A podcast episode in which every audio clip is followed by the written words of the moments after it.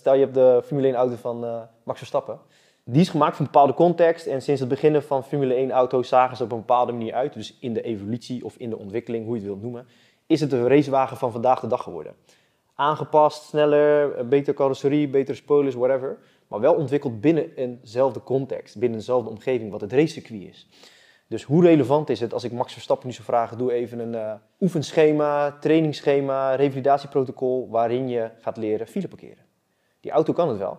En waarin Max in dit geval, laten we zeggen, even het brein is. En, en het, de auto is het voertuig. Die combinatie kan het wel, dat, dat voertuig, die kan wel file parkeren. Maar hoe relevant is dat voor de context waarin het ontwikkeld is? Um, en dat is een belangrijke vraag om te stellen, want heel veel dingen die wij doen zijn niet relevant voor de context van mens zijn, in termen van revalideren. Wat is dan wel re uh, relevant voor menselijke revalidatie, is dat we de basisfuncties eerst verbeteren. En dat is lopen, hard, lopen en gooien.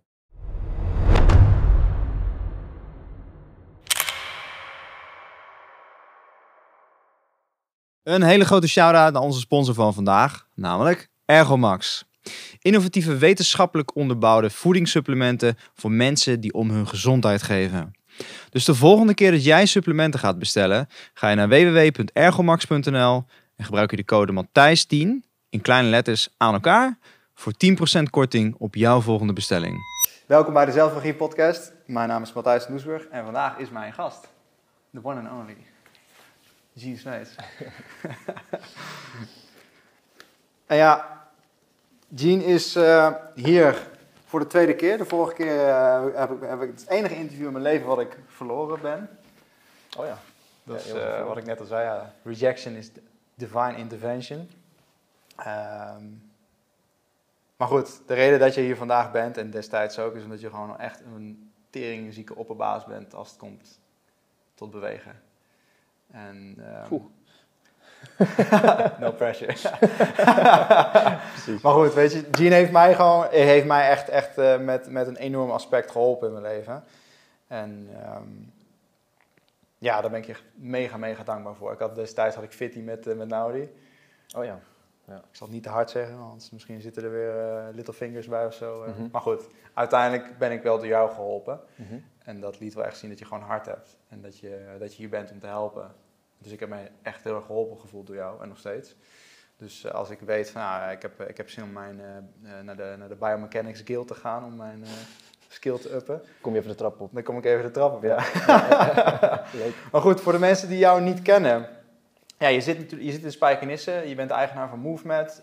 ja, je bent van fysiotherapeut naar, ja, wat, wat kan ik in godsnaam zeggen? Ik zou eigenlijk beter holistisch therapeut kunnen zeggen, ja, dat... als ik het überhaupt een naam zou willen geven. Ik zou er ook liever niet de namen willen hangen. Het is gewoon een verzameling geworden. Ja. Precies, ja. ja. Je, je helpt mensen gewoon eigenlijk naar de kern via bewegen, onder andere. Ja. Maar goed, ja, je zit ook uh, in het netwerk met Thomas, Merlon, Ruud. Ja. Ja, ja, ja, precies. Maar voor de mensen die jou echt totaal niet kennen, die je nou voor de eerste keer deze gozer zien met koepelman, met, met, met dat goede kapsel.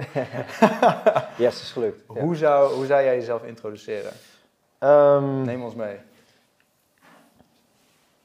Ja, zo denken, heb je op voorbereid, hè? Maar... Ja, ik doe dat expres nu niet meer om het wat ja. organisch te houden. Nee, het is goed dat je zegt, nou laat me inhaken op het videostuk. Um, ik ben dus uh, qua carrière, om het zo te zeggen, begonnen als fysiotherapeut. En ik noem me graag liever niet zo, omdat men dan gelijk een correlatie heeft. En een associatie heeft, ja, met verwachtingen en waarden die daar omheen hangen. Dus daar wil ik mezelf vaak van afhalen. Niet omdat ik dan fysiotherapie slecht vind, maar daar kom ik straks op hoe ik dan af ben uh, gaan wijken, zeg maar. Maar ik ben dus begonnen als fysiotherapeut een jaar of vijf geleden ondertussen. En uh, ja, supergoed, superleuk vak. En op een gegeven moment uh, ontwikkel je ook... Ik, ik, ben altijd wel iemand geweest die wel uh, behulpzaam was. Dus ik denk dat meer, dat, dat, lag altijd wel een beetje in mijn karakter. Dus het was logisch dat ik wellicht iets in de zorg ging doen, dacht ik toen. Um, nou, dan ga je studeren en op een gegeven moment dan kom je erachter, of dan kwam ik erachter, dat het, dat het niet het is, zeg maar. Niet per se dat ik dan dacht, dat zou het zijn, maar meer van klopt niet helemaal, zeg maar. Ik liep tegen wat dingen aan qua hoe het werkveld eruit zag, hoe er werd gewerkt onder de vlag van de zorgverzekeraars, um, de tijd die je had voor cliënten, de administratieve druk die je moest doen en ook simpelweg de, de tools die je meekreeg en hoe we dan mensen moesten helpen. Dus een hoop dingen vind ik echt geweldig aan het vak en een hoop dingen vind ik um, niet toereikend genoeg, vond ik toen. Um, ben ik het zelf proberen gaan uit te zoeken, kreeg ik de mogelijkheid om in een CrossFit gym een, een kamertje te huren en daar ben ik als uh, ZZP'er toen gewoon begonnen. Nadat ik volgens mij twee of drie maanden was begonnen als fysiotherapeut, relatief vroeg. Dus ik had zoiets van, ja, ik ga het zelf doen. Maar ik had nog geen idee van hoe ik dat dan ging doen, zeg maar. Dus ik had totaal geen antwoorden en ik had zoiets van, ik, ik bekijk het wel. Uh, dus zo ben ik dus gelijk niet gecontracteerd begonnen, dus ook los van de, van de verzekeraars. Dat is misschien wel een belangrijk om aan te geven, omdat ik normaliter dan ga je contracten aan als een fysiotherapeut.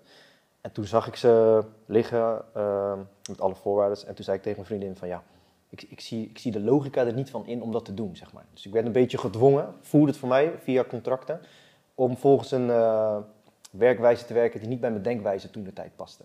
Nog steeds niet. Um, nou, dat gedaan. En op een gegeven moment, en ik had zelf ook klachten. Dus ik heb altijd gevoetbald. En uh, ik had voornamelijk liesklachten en rugklachten aan één kant, aan de rechterkant. Uh, pijn met sprinten en dat soort dingen. Dus ik was tegelijkertijd ook bezig met mijn eigen geneuzel, om het zo te zeggen. Hmm. En dan het universum, of hoe dan ook, dat duwt je een beetje in een richting. En toen was ik op een gegeven moment in contact gekomen met uh, Alex Brenkwan dan. Die wat postte over Jack Cruz, over die neurochirurg. Over lichtwatermagnetisme en dat soort dingen was ik me, me aan het interesseren, uh, of dat interesseerde me. Dus ik had blauwe filterbrillen gekocht om dat te testen. En ik had waterfilter gekocht en ik ging wat meer in de ochtendzon zitten en zo een beetje experimenteren. En um, op een gegeven moment toen werd mijn nichtje ziek. Die was toen de tijd vier jaar. Kleine van mijn zus en die kreeg bloedkanker. En toen kan ik me nog heel goed herinneren toen ik met mijn zus meeging om het slecht nieuwsgesprek aan te horen van de arts. ja, het is bloedkanker. Ik zeg, hoe kan dat nou? Hoe kan een kind van vier een bloedkanker krijgen? Zegt ze, ja, we weten het niet. Dat is ondertussen uh, ja, vier jaar geleden ongeveer. En dat, dat, daar is het bij mij een beetje gestart. Dus toen ben ik, dat heeft me zo getriggerd, nog steeds als ik het erover heb, dat ik, dat ik echt zoiets had van, ja, dat accepteer ik niet. En dus ik ben gaan graven, gaan graven, gaan graven. En uh, dat was in de periode dat ik dus Jack ongeveer leerde kennen. En toen ging ik op zijn forums helemaal uitzoeken hoe dat dan zat. En waren er verklaringen voor, kon ik iets vinden. En via dat kwam ik, in de tussentijd om mijn eigen probleem op te lossen, kwam ik bij Functional Patterns uit in Rotterdam toen de tijd. En uh, dat ging dus over biomechanica. En daar kwam je dezelfde gekkies tegen, ook gasten met blauwe filterbrillen, ook gefilterd water, ook bezig met zonlicht en zo. En denk, kijk, dit is mijn, dit is mijn cultuur, cultuur van gasten waar ik moet zijn en dames.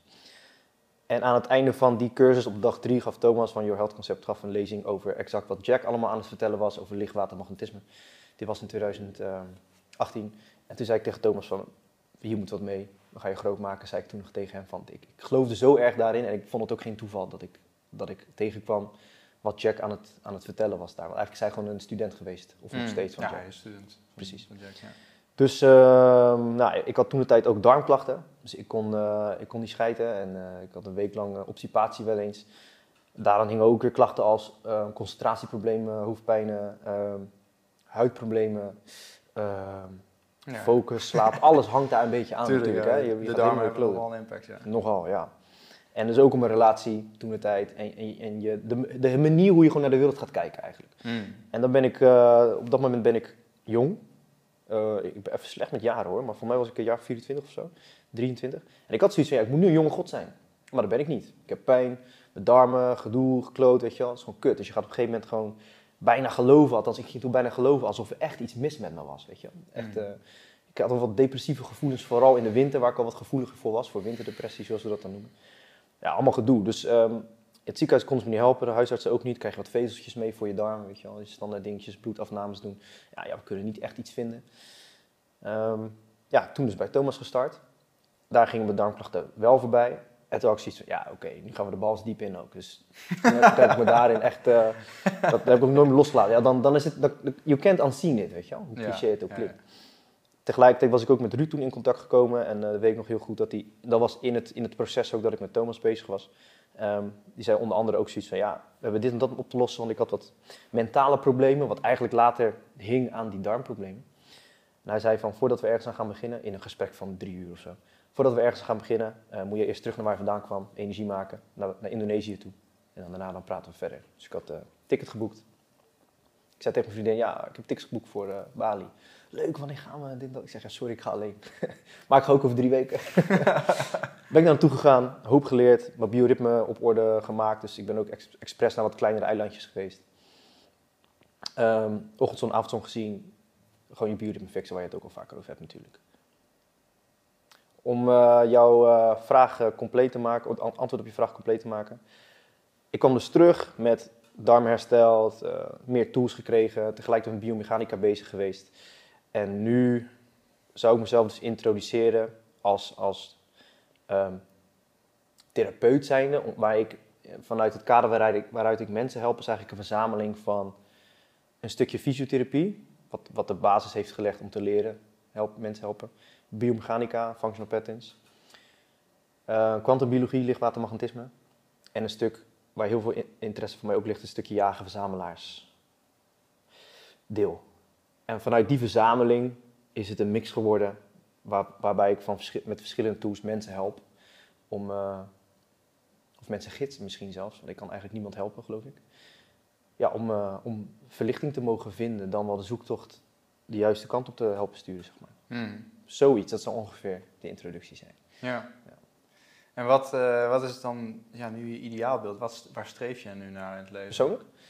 Ja, Als in, oké. ja nou, goed, Ehm, ik, ik geloof niet dat er een scheiding is tussen business en persoon. Nee, oké. je hebt één leven en daar doe je het mee. Ja, ik denk ehm, waar ik voornamelijk naar streef is om nog beter te worden in, eh, ook dat klinkt cliché, maar nog beter te worden om te genieten wat nu is. Ehm, dus enerzijds vind ik het heel belangrijk om echt grip te hebben op de realiteit. Dus gewoon, zeg maar, de wereld is vies en lelijk zoals die is. En eh, er wordt nou eenmaal aan touwtjes getrokken op deze, deze manier. En dit is gewoon de agenda en dat soort dingetjes. Oké, Ehm, dat parkeer ik. En in het begin liet ik me daarin best wel meeslepen, waardoor mijn gedachten dus ook daarin mee werden, mee werden genomen. Dan En krijg dus je nog meer van dat. ja, ja, exact. Dus eh dat trek je natuurlijk ook wel aan. Hè? Ehm, dus meer genieten van wat er is. Dus ik ben nu sinds eh, bijna zes maanden vader. Ehm, en eh, in het begin was ik heel erg bezig met, zoals de meeste denk ik eh, verse ouders meemaken, onderneming runnen, vader zijn, thuis zijn. En eh, slapen, dat was ook wel een belangrijk ding natuurlijk. Dat lukt allemaal niet. En dan de corona gezeik en alles wat erbij kwam kijken. En op een gegeven moment, ik weet nog dat mijn vriendin op, op een gegeven moment zei van... iets in de trant van, je, je geniet niet echt van wat er nu is. En daar heeft ze gelijk in gehad. Want op het moment dat je gewoon bepaalde dingen aandacht geeft die je niet echt dienen, dan, dan sneeuwt de rest een beetje onder. Dat, dat is het meer. Want alles wat nu is, is ook genoeg. En eh, ik heb al genoeg. Ik ben er eigenlijk al. En als ik niet oppas, laat mijn ego mij vertellen dat het niet zo is. Hmm. Ehm, daar streef ik naar. Dat ik dus die fijnlijn van, of laat me zeggen, de grens tussen meegenomen worden, misschien wel een beetje geïndoctrineerd worden in ellende en angst en allerlei verhalen die je zelf vertelt die je eigenlijk niet dienen. Versus dat wat er nu is, is genoeg, niet van alles wat je nu hebt. En dat moet zeg maar zo worden, eh, als je snapt wat ik bedoel. Ja. Daartussen switchen, dat is, dat is een uitdaging Hmm. daar streef ik naar, dat ik dat steeds meer kan. Zonder grip te verliezen op dat wat is. Ehm, dat ik het niet Op de negeer. realiteit. Exact. Ja. Ja. Ja, ja. En daar hanteer ik dus van, vanuit mijn visie eh, wat natuurkundige wetten voor. In die zin, licht is er, zwaartekracht is er ehm, en allerlei andere natuurwetten. Dus hou je daar aan, want zolang we in het aardse zitten, heb ik me aan die wetten te houden. Hmm. Voor een heel groot deel. Ja, die mix. Ja, wat zijn dan die, die aardse wetten die jij gebruikt? Nou ja, dus eh, ik denk dat we het erover eens zijn dat eh, zwaartekracht een, een wet is. Want dat is altijd geweest, dat heeft impact op ons, dat is er al zo lang als we weten er. Ehm, dus dat heeft impact ook op de cel, op het kleinste van jouw lichaam. Zo ook zonlicht, temperatuur ehm, en alles wat bij natuurkunde als het ware hoort waarvan we weten dat het langere tijd is. Het is, het is, eh, het is een wet, het is een natuurwet. En ik geloof dat moeder natuur die zegt, deze wetten, als je daar vanuit gezond, gezondheidsperspectief naar kijkt, therapieperspectief naar kijkt, als je je houdt aan die wetten, krijg je daar een aanpassing voor en dat is gezondheid. Hou je niet aan die wetten, krijg je een aanpassing en dat is ziekte. En we noemen het ziekte omdat dat een, een menselijk begrip is, een kader is waarvanuit we kunnen denken en handelen, maar slechts is het een, een, een eh, conclusie van eerdere ervaring. Het is een staat van zijn op dat moment. Maar het is een aanpassing. Het is een aanpassing geweest op x-omgeving. En de truc is, of de kunst is, is om te leren hoe dan moeder natuur, eh, wat een vrouw is, misschien dat we er later nog komen, maar hoe zij dus selecteert op competentie. En wat dus onder andere betekent is, degene die de meeste energie maakt, die is het gezondst, die overleeft, die, die ehm, ik mis even Floreert. woorden, floreert, dank je. Ehm, die is niet kapot te maken, die is robuust. En een mens, een organisme, in dit geval wij mensen, wij die veel energie maken op celniveau, Betekent dus, als je dat elektromagnetisch bekijkt, dat je dus ook veel voltage maakt. Je maakt letterlijk veel energie aan, dat te meten is in licht. Mhm. Dus hoe verlichter je bent. En dus daar ligt gewoon een hele grote hack uh, in zonlicht, inhouden aan die natuurwetten, zodat je meer energie maakt. Nou, hoe meer je, zeg maar, ik had laatst een discussie met iemand over uh, wat is nou uh, belangrijk? Hè? Is je microbiome belangrijk? Is bewegen nou het belangrijkste? Is grounden met je aarde in de vloer nou belangrijk? Ja, dat zijn echt wel dingen die misschien meer impact maken dan de ander. Zeg maar, je, je motorblok is uh, een stuk belangrijker dan je, dan je ruitenwisser. Maar je hebt, wel, je hebt wel alle onderdelen van de auto nodig ja. om veilig en wel op tijd op de bestemming aan te komen. En dat is, dat is zeg maar de kunst. Weten wat, wat de meeste effecten geeft. Of laat me het anders zeggen, als we mensen behandelen, kijken we altijd naar wat zijn een top 2 of top 3 van onderwerpen. Waar ik de meeste impact op kan maken. Dat komt altijd neer op, iemand moet meer energie maken. Iemand moet heel goed slapen. En ontstekingen moeten verminderd worden. Wat dus eigenlijk energie kost. Dus het komt altijd neer op energieproductie. Hoe meer energie je maakt, hoe robuuster je bent, hoe meer adaptiever je bent, hoe, eerder, hoe makkelijker de cel kan wisselen en kan schakelen en om kan gaan met verschillende situaties. Wat zich ook uit in het gedrag van de persoon, die beter om kan gaan met verschillende situaties. In plaats van dat je een flexibele cel maakt een flexibel persoon, dus adaptief kan omgaan met situaties, kan, kan tussen polariteiten goed wisselen, kan tussen extremen goed wisselen. Maar iemand die, laten we zeggen, verstijfd is, laten we zeggen, door angst of letterlijk verstijfd is door alleen maar suikers te eten, waardoor, zoals Ruud altijd zou zeggen, de cel wordt keihard. Dat, zie je, dat zie je ook in het gedrag terug. Dus um, natuurkundig, uh, natuurkundig de boel bekijken bedoel ik dus mee, we houden ons aan de natuurwetten die er zijn, want in het aardse zijn die wetten er nou eenmaal. En, um, dus ja, hou je eraan. Als je wenst een goede uitkomst te willen hebben, wat dus lijkt op gezondheid en verlichting. Hmm. Um, ik wil niet zeggen dat ik gezondheid en verlichting ben. Alleen ik geloof wel heel erg dat moet de natuur gewoon zeggen, ja luister, je kan gewoon kiezen. En uh, als je deze keuze maakt, krijg je deze aanpassing. En dat is gezondheid. Dus um, laten we dat vooral niet vergeten. Dat um, al die factoren, die omgevingsfactoren die er al zo lang zijn, die dicteren gewoon wat de reactie wordt van jouw cel. En daarmee dus jouw gedrag en jouw hormoonpaneel en et cetera. En wat is de grootste, uh, jouw grootste Eureka-moment geweest in dit pad op, op dit gebied van natuurkunde? Waarvan je echt de plank volledig misgeslagen hebt in het verleden? Goeie vraag. Um, het niet realiseren dat ik uit Indonesië kom, dus even makkelijk gezegd een Baviaan ben, dus dat klimaat nodig heb om echt te kunnen floreren. Waar diezelfde Baviaan op de Noordpool minder snel zou kunnen, die zou niet lekker gaan. De ijsberg gaat ook niet lekker in de jungle. Ja, het, is niet, het is niet één enkel iets. Ik denk het is een combinatie van. Ik voel me altijd het best in het buitenland. Mhm. In de wintertijd wil ik altijd ontsnappen. En dat hangt samen met hoe je voelt, hoe je denkt, wat voor besluiten je neemt. Dus echt, ik denk omgeving. Ik, ik denk dat dat het antwoord is. Dat de omgeving echt alles bepalend is. Ja. Zowel de natuurkundige omgeving, van alle factoren die mijn cel zeg maar kent. Mijn cel kent vanuit mijn Indonesische DNA een bepaald soort temperatuur bijvoorbeeld. Of er is altijd rood licht aanwezig op breedtegraad 2 op Java. Um, die, die, die, bron mis ik hier, voornamelijk in de winter. Dat is stress op DNA-niveau. Dat maakt dat ik eerder geneigd ben, geneigd ben, om meer energie te willen maken door te vreten. Mm. Waardoor ik me darmen weer verkloot, want ik koos nooit goed eten in het verleden. Omgeving. Dat is het Eureka-moment. Dat is toch wel het antwoord. Ja. En hoe kijk je dan naar, hè, want je hebt, uh, nou, zoals Ruud dat zegt, materie en antimaterie. We hebben yin, yang, dag, nacht, hitte, kou, leven, dood, et cetera. Mhm. En ja, je omgeving heeft een enorme impact op jouw expressie en je gezondheid. Ja. Alleen om, je hebt een omgeving, je hebt een ingeving. Mhm. Dus hoe kijk jij naar de ingeving, dus de perceptie van binnenuit naar de, van binnenuit, in plaats van van buiten naar binnen, maar van binnen naar buiten. Dus hoe je de wereld als het ware ja, in, in epigenetica zeg maar, waarneemt. Ik snap je vraag niet helemaal.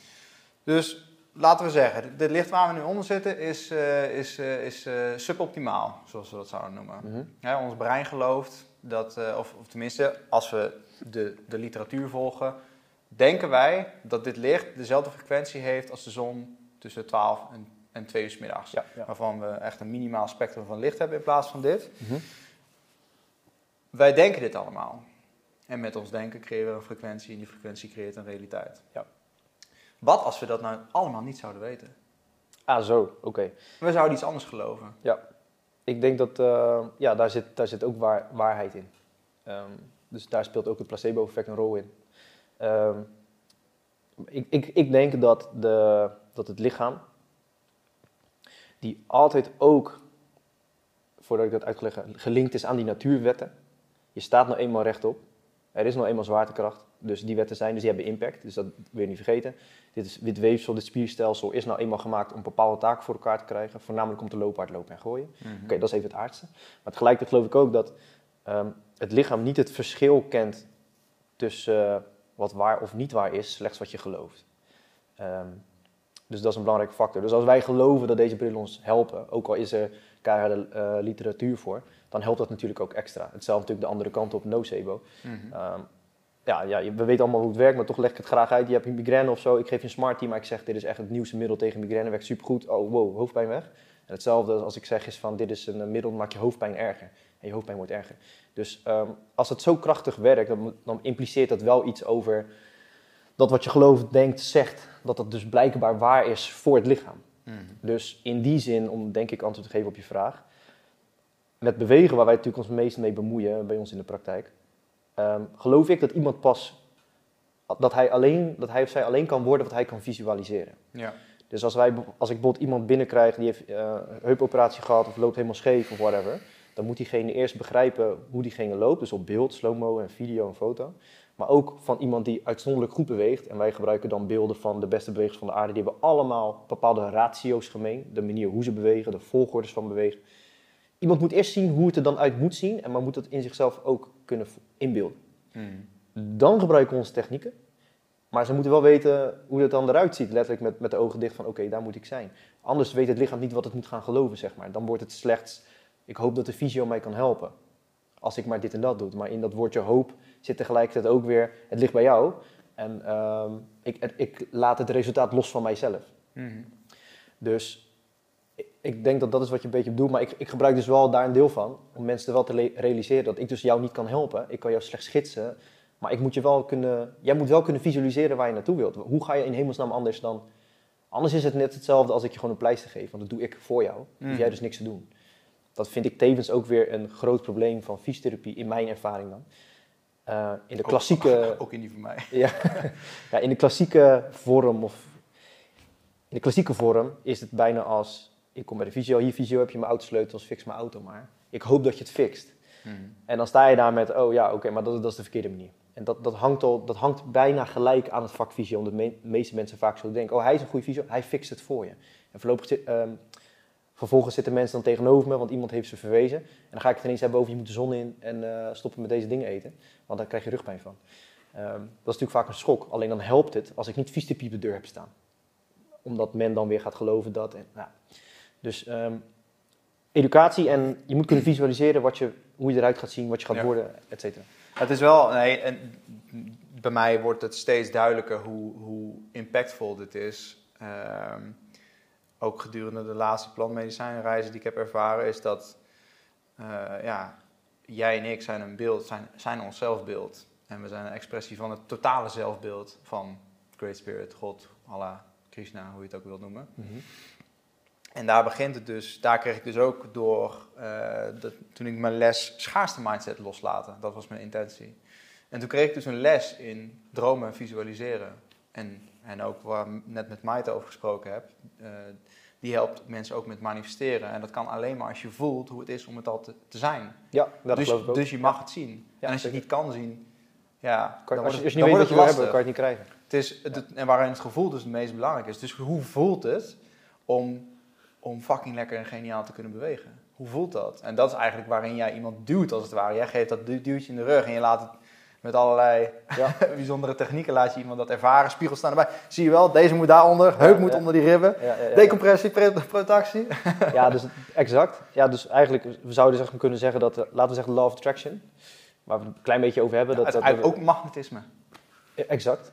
En ehm, ja, dat is nogal leuk, want mensen, mensen denken vaak, dat is, het, dat is het, het beperkte van het aardse, om het zo te zeggen, dat wij gebonden zijn aan die vijf zintuigen en alles wat daarbuiten valt, wat we niet waar kunnen nemen, dat zal dan niet zo zijn. Maar dat is dus niet zo, want ook heel veel delen van het lichtspectrum die we kunnen meten met een spectrometer, maar niet kunnen zien met het blote oog, die zijn er. Ja. Maar dat betekent dus ook dat ze impact hebben. Maar goed, Ehm, eigenlijk is het dus de Law of Attraction plus een hele goede, bewezen, relevante set met tools. Dat, dat is denk ik voor mij de beste mix. Dus ik kan mezelf uh, ziek manifesteren. Maar ik denk dat de beste cocktail is, is dat je dat koppelt aan de juiste acties. En die juiste acties die moeten dus, dus die, die dienen beide elkaar. Tuurlijk. Dus in termen van biomechanica.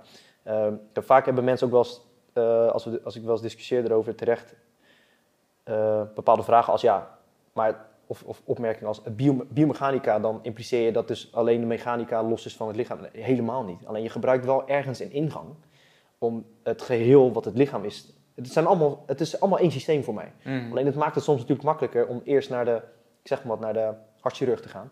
Want die is gespecialiseerd in het hart en de longarts is gespecialiseerd in de longen. Oké, dus dat is heel, heel handig om dan iemand te hebben die dit kan doen en kan inzoomen. Maar daarna moet je wel realiseren hoe dat dan allemaal samenwerkt. Biomechanica, daarmee geloof ik echt dat je ook mentale problemen kan verhelpen, dan wel kan dat je het kan helpen verminderen. Uh, maar zo kan ook dat met uh, voedsel bijvoorbeeld. Alleen biomechanica is zo'n onderschat onderdeel voor gezondheid. Mensen weten niet eens wat het is, hoe dat werkt, hoe dat eruit ziet. Laat staan dat ze het nodig hebben. Dus dat is, en zo kan je het over andere onderwerpen dus ook hebben. Maar met biomechanica, daar maak ik me graag hard voor. Omdat dat in mijn ervaring nogmaals, met de cursus die ik dan heb moeten doen als fysio en wat je een beetje om je heen ziet, wij krijgen vaak als verwijzingen binnen van mensen die hebben dan zeg maar al oefentherapie gehad. Dus er komt iemand bij mij, ja, ik heb al oefentherapie gehad, ik heb al kracht erin gedaan. Ja, wat heb je dan gedaan? Ja, dit, dat, zus, zo, een beetje uh, houtje touwtje oefeningen vind ik. Dat is niet wat biomechanica is. Biomechanica is begrijpen wat de volgorde is van bewegen en de juiste botstukken op de juiste plekken krijgen, op het juiste moment en tijd in de ruimte. Mhm. En daar een krachtvector op loslaten, daar een soort spierspanning vragen waarin je iemand verzuurt, dan wordt dat het nieuw, zeg maar. Ja. Best wel lastig uitleggen altijd in taal.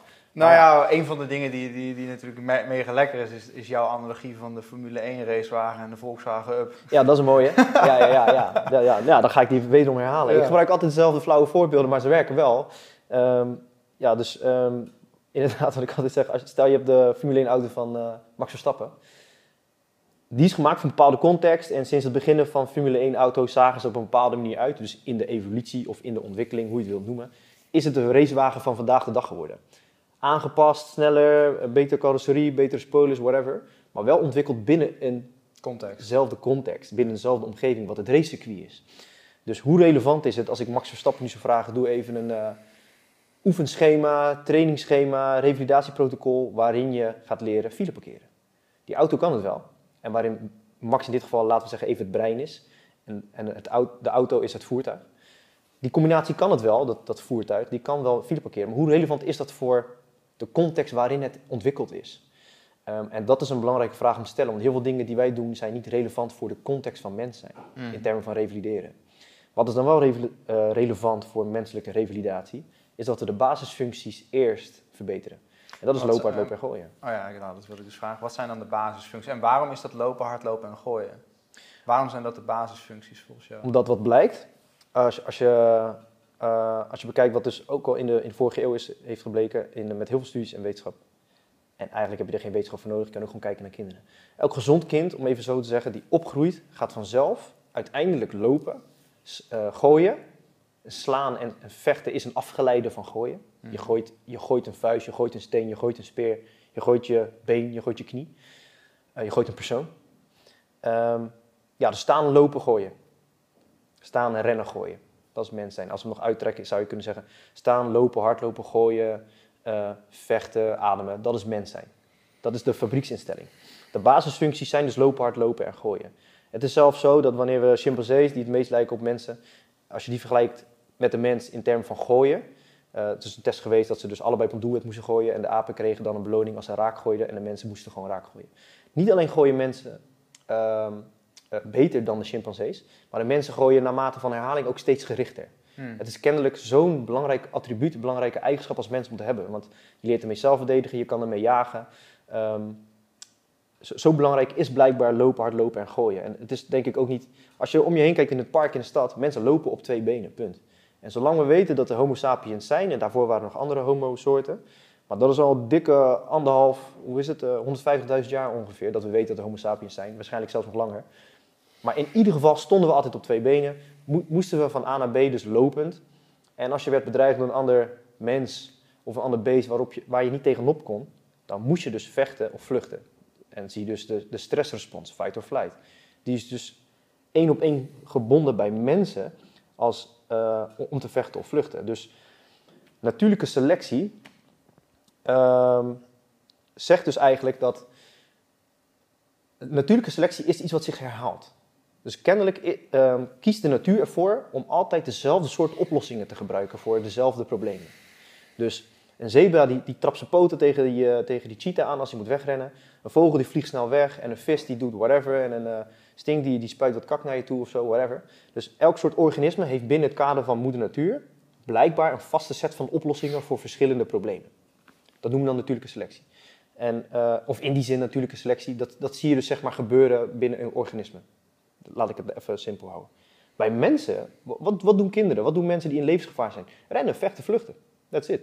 Of freezen. Dat is natuurlijk ook een, een van, de, van de oplossingen die je kan doen, maar die brengt je niet echt heel ver in het leven.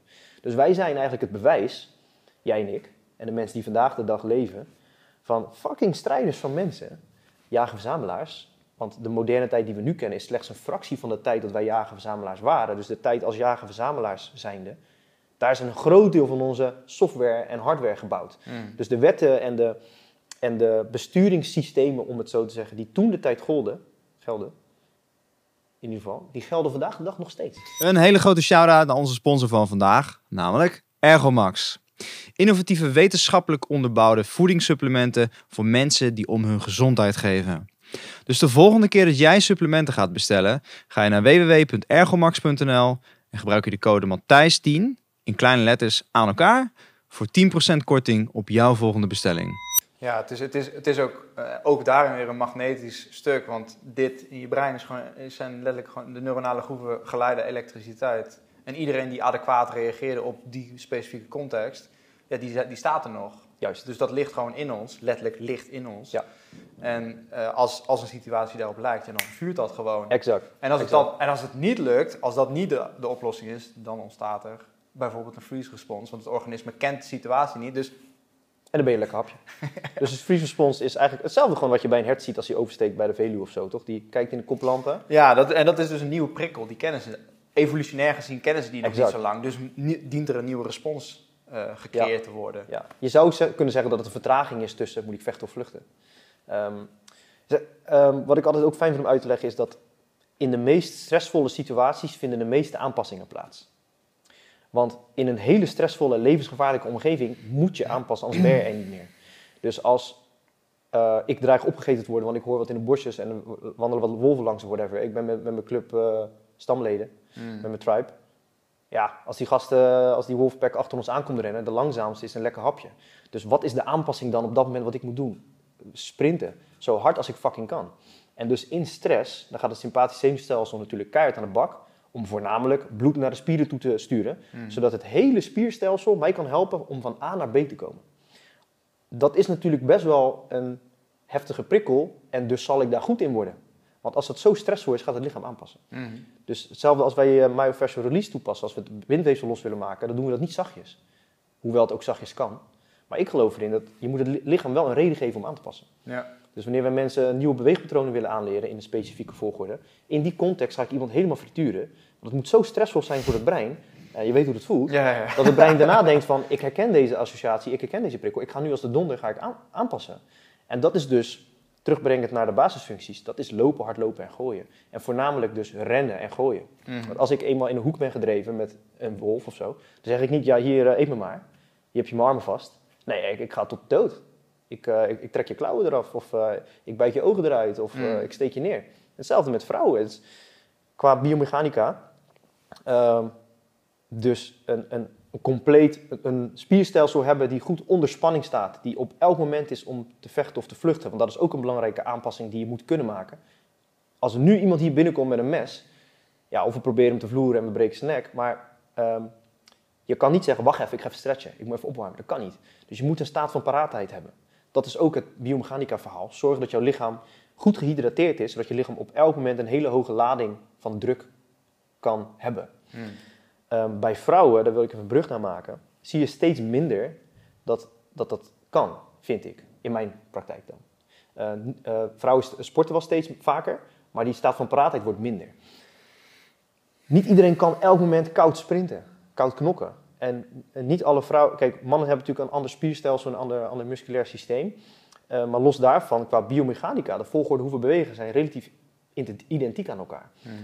Want vroeger, als wij gingen jagen en de vrouwen bleven achter en zij raakten in de problemen, of uh, laten we zeggen, er kwam een andere man of whatever, die bedreigde hun of onze kinderen, dan werd je gewoon neergestoken. Je werd gewoon, uh, werd gewoon in je maag gestoken door die vrouwen. Um, dus we waren venijnig zwak. Zij moesten ook gewoon net zo gevaarlijk en competent zijn als wij in termen van fysieke kracht en dergelijke.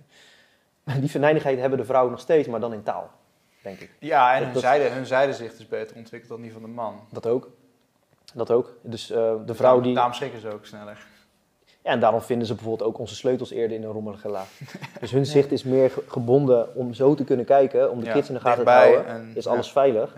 En wij, voornamelijk door dopamine, willen wij veruit kijken. dus achter de heuvel kijken. Ja, en, maar ook, um, ik heb zin in de dag van morgen. Ik wil erop uit. Ik wil dat kanootje pakken met mijn maten en twee kippen en we gaan gewoon die oceaan over, zeg maar. Ja. Uh, dat, is dat is letterlijk, ja, weet je, toen ik in Hawaii was ook en Nieuw-Zeeland, dan hoor je die verhalen en lees je hoe dat is gegaan. Dat is een, een, groot risico wat je neemt. Wat is de mate van risicobereidheid en dus testosteron wat daaraan hangt. En um, uh, ja, dat, daar kan ik, niet, kan ik niet bij. Wij zijn echt helemaal niemand. Vergeleken bij die gasten zeg maar, van toen de tijd. Alleen als je een, een, paar tientallen jaren terugkijkt op basis van testosteron, wat wij nu zouden prikken versus uh, toen de tijd. Ja, je weet ook hoe het is. Dat is drastisch laag vandaag. Ja, ik denk altijd aan de pussification of this nation. Dan Peña die helemaal losgaat. precies, ja, precies. Dus om hier misschien dat stukje jager-verzamelaars aan te haken. Ik zeg niet per se we moeten op een hutje op de hei gaan wonen, hoewel ik dat misschien wel ergens ambieer hoor. Maar ik denk niet dat het per se nodig is om krachtig, robuust en gezond te worden. Maar we willen wel, je zal wel moeten kijken naar de elementen die de jagers en verzamelaars, waar zij aan blootgesteld werden. Hmm. Wat ertoe leidde dat de aanpassing werd, robuust weefsel. Ja. En uh, ze waren gewoon niet bang. Ja, ze waren misschien wel bang, maar ze, ze, deden het wel, risicobereid. Um, ja, en die twee dingen, die fysieke kracht en die risicobereidheid, vooral bij ons als mannen, ja, hoe bereik je die nou? Hè? Um, ik denk dat het in ieder geval makkelijker wordt als je lichaam niet in de weg staat. En dus energie maken en uh, goed kunnen bewegen. En dan jezelf onderdompelen in een vechtsport, vind ik, als man zijn vooral. Wel een vechtsport waarin wel wordt gespart. Dus um, ja, weet je, jij doet BJJ, daar ben ik een groot voorstander van. Wij doen voornamelijk veel Kyokushin karate en ook wat BJJ en judo erbij. Um, je, je, je, moet wel wat dat, wat dat betreft uh, zo'n soort kracht kunnen ontwikkelen, je plaats kennen, nederig worden. En, uh, ja.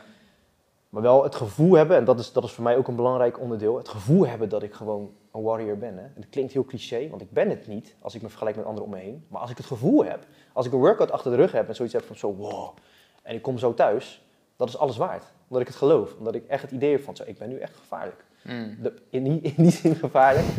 ik voel me gewoon man, hè. En uh, daar kunnen we ook over discussiëren wat het dan betekent, maar wat nou wat nou als jij je heel goed zou voelen? Wat nou als je 3, 4 kilo spiermassa erbij hebt? Wat nou als je pijnvrij beweegt?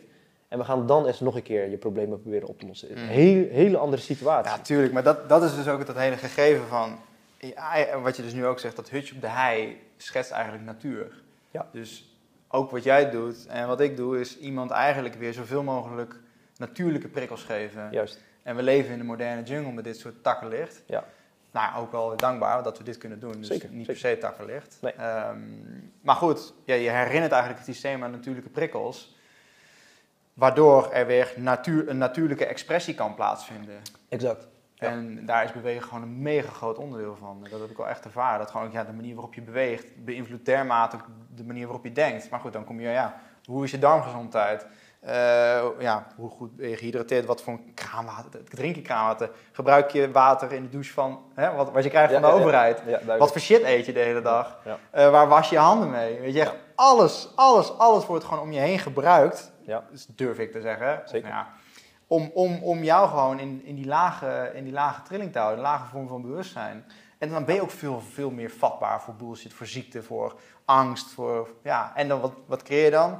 Die hive mind waar we met z'n allen, tenminste waar ik nu gelukkig uit ben, maar... Je wordt een beetje genudged in een bepaalde richting zonder dat je het denkt. Um, en dat is denk ik makkelijker inderdaad als iemand meer in pijn en angst is. Want dan ben je met andere dingen bezig als overleven. Tuurlijk, ja, dan ben je aan het overleven. En dan, dan ben je ook super vatbaar ja. voor uh, opinie en leiding. Want dan ga je zoeken naar wat is mijn houvast in het leven. En, en jij hebt, daarin heb je wel echt een zegen, ben je gezegend dat je gelijk buiten de gebaande, de gebaande paden ging door contractvrij te werken. Dat was een stap, ja. Dat is in ieder geval een grote stap geweest. Da daar, daar moet je wel ballen voor hebben. Dus, uh... Ja, ja, dat zijn meerdere die het steeds meer doen hoor. En het is inderdaad dat je er ballen voor moet hebben. Want het is ook weer een overtuiging vanuit schaarste dat je denkt dat het niet lukt. Precies. En ik snap het wel voor praktijken die zeg maar, uh, laten we zeggen, 15 jaar bestaan. En die echt zo'n grote cliëntel hebben van mensen die echt laten we zeggen, elk dubbeltje moeten omdraaien. Als je niet contractvrij gaat werken, moeten mensen ook een deel zelf betalen. Dan kan je niet in één keer, of althans, ik kan me voorstellen dat je de overtuiging hebt dat je niet in één keer je, je hele verdienmodel om wilt gooien. Mm. Maar daar ligt wel een groot deel van de vrijheid. Um, en wat ik ook nog wilde inhaken, um, om, hoe je zei dat, zeg maar, dat je van alle kanten, eigenlijk worden we van alle kanten een beetje aangevallen. Drinkwater, lucht, voedsel, um, elektromagnetisme, EMF, tv, nieuws. tv, alles. En om ons in die lagere trilling te houden. En eigenlijk dus hoe hogere trilling, hoe meer energie je maakt, hoe verlichter je bent. Want je maakt meer licht aan. Dus je bent eerder geneigd om te geven, want je hebt genoeg. Mm. Dus zoals Ruud mij altijd zei, is een cel is egoïstisch, maar niet narcistisch. Dus hij neemt eerst, voordat hij geeft aan de rest van zijn cel. Dus krijg je stofwisseling, celwisseling, hoe je het wil noemen. Oftewel, um, ja, dit, dit, dit, kacheltje moet eerst heel goed branden. Dan ben ik eerder in staat van vrijgevigheid uh, en liefdevol, zonder dat ik mezelf sloop. Dat is, dat is de belangrijke nuance. En ik kom vanaf de, kant dat ik veel te veel weggaf, mezelf sloopte. En dat, dat heeft ook weer allerlei, er zitten allerlei, grondslagen aan, uh, allerlei dingen aan de grondslag. Maar wat ik wilde vertellen, vrije keuze is vandaag de dag dus eigenlijk ook een illusie. Omdat wij gewoon worden genudged. In je gaat naar de Albert Heijn, maar heel die fucking Albert Heijn is geëngineerd om te zorgen dat je een bepaalde keuze gaat maken. Heel social media is, er, ervoor geëngineerd dat je een bepaalde soort keuze gaat maken. Mm. Heel jouw telefoon, jouw smartphone is geëngineerd om jouw aandacht te stelen. En op het moment dat je daar bewust van bent, dan, ik vind bijvoorbeeld een smartphone vind ik echt een geweldige uitvinding. Echt geweldig, weet je. Ik kan, we hebben het al vaak over gehad. Ik kan ervoor kiezen om te kijken hoe uh, uh, fucking zeehondjes ergens uh, hun populatie groeien en hoe dat precies werkt. En dan kan ik dat op YouTube gewoon bekijken. Ja. Dus ik, hoef, ik heb bijna, zou je kunnen zeggen, geen universiteit nodig. Zolang ik er tijd aan wil besteden, kan ik heel veel dingen gratis gewoon leren. Maar die smartphone heeft dus heel veel toepassingen. Maar tegelijkertijd weten ze zoveel data over de data van ons. Dus niet alleen wat ik naar jou typ in een WhatsApp-berichtje, maar waar ik dat typ, Hmm. naar wie ik het typ, op welk tijdstip ik dat doe. En licht heeft de oneindige capaciteit om informatie over te dragen. Dus weet je, subliminal messaging kan gewoon via licht en water. Zeker. Sterker nog, er, is, er zijn gewoon uh, keiharde patenten die uh, aantonen dat je met uh, blauw licht via schermen het zenuwstelsel kan beïnvloeden. Maar dat is weer een hele andere balgame. Maar in ieder geval, laten we het even over die smartphone hebben. Op het moment als je realiseert dat je omgeving, wat dus die smartphone ook is geworden, de supermarkt, uh, je, je, buren, whatever, die, die bepalen eigenlijk je keuze. Kijk, hou je van spaghetti of is dat gewoon een keuze die je altijd hebt, ge hebt gehad en daardoor kan je daaruit kiezen? Dat is geen vrije keuze. Je wordt een beetje genudged. Hmm. En binnen, die, binnen dat kader van mogelijkheden die jij hebt gekregen, denk jij te kunnen kiezen. Maar tegelijkertijd vertellen ze je dit niet. Um, hoe meer energie je maakt, hoe vlichter je bent, hoe meer je de dingen heen kijkt, geloof ik ook. Ja. ik heb ik, hierop ingaande bij um, ook een van de laatste planmedicijnceremonies kreeg ik, kreeg ik de inversie van mijn gedachten. Dus, nu, dus ik had eerst de overtuigingen, Mark Rutte is een teringlaar, Hugo de Jonge is een teringlaar, Klaus, Klaus Schwab is een lul, nou, iedereen World Economic Forum, echt, echt duivelse shit. En toen in één keer liet het medicijn liet mij uh, ervaren dat zij gewoon hun rol spelen. En ze doen het supergoed, echt fantastisch. Um, maar daarachter zit zeg maar de groei die zij ons faciliteren. Namelijk, je gaat eindelijk je eigen ruggengraat creëren. Je gaat eindelijk op je eigen benen staan. Je gaat je niet meer mee laten slingeren in het systeem. Want je realiseert je nu, ze maken het zo makkelijk voor je. Door je eigenlijk gewoon, door je zo hard te mishandelen. En zo, en zo te vernederen. Dat je gewoon, dat er echt iets, echt, echt, dan, dan, dan wil je ziel, dan wil je ziel het gewoon niet zien. Of tenminste, de mind kan ik dan eerder zeggen. Dus dat ze eigenlijk een enorme zegen voor ons, een blessing zijn voor ons. En dat, ze, dat er heel veel goedheid in, in hen zit. Alleen het is vermaskerd. Het is gemaskerd als een, als een duivel, zeg maar. Je ziet het niet als goedheid. Ja, dat ben ik met je eens. Dat is ook een van de Eureka-momenten van mij. Uh, dat we dankbaar mogen zijn voor de mensen die de rol van het kwade op zich nemen. Want hoe kan ik in hemelsnaam beter worden, verlichtend worden, behulpzaam worden, een goed mens worden als ik niet weet wat kwaad is? Ja. Dus we hebben de mensen nodig die in hun rol van kwade zitten. Maakt niet dat ik het eens ben met wat ze doen. Alleen dat, dat, dat is voor ons de mogelijkheid, de opportunity om uh, daar bovenuit te stijgen. En in het begin, vooral in het begin van de coronacrisis, oh, heb ik me echt flink opgevreten aan alles. Ja, ik ook. Ehm, ja, zoals de meeste denk ik. Maar op een gegeven moment, als je dus gaat realiseren van, wacht eens even, we draaien hem om. Dit is de oplossing.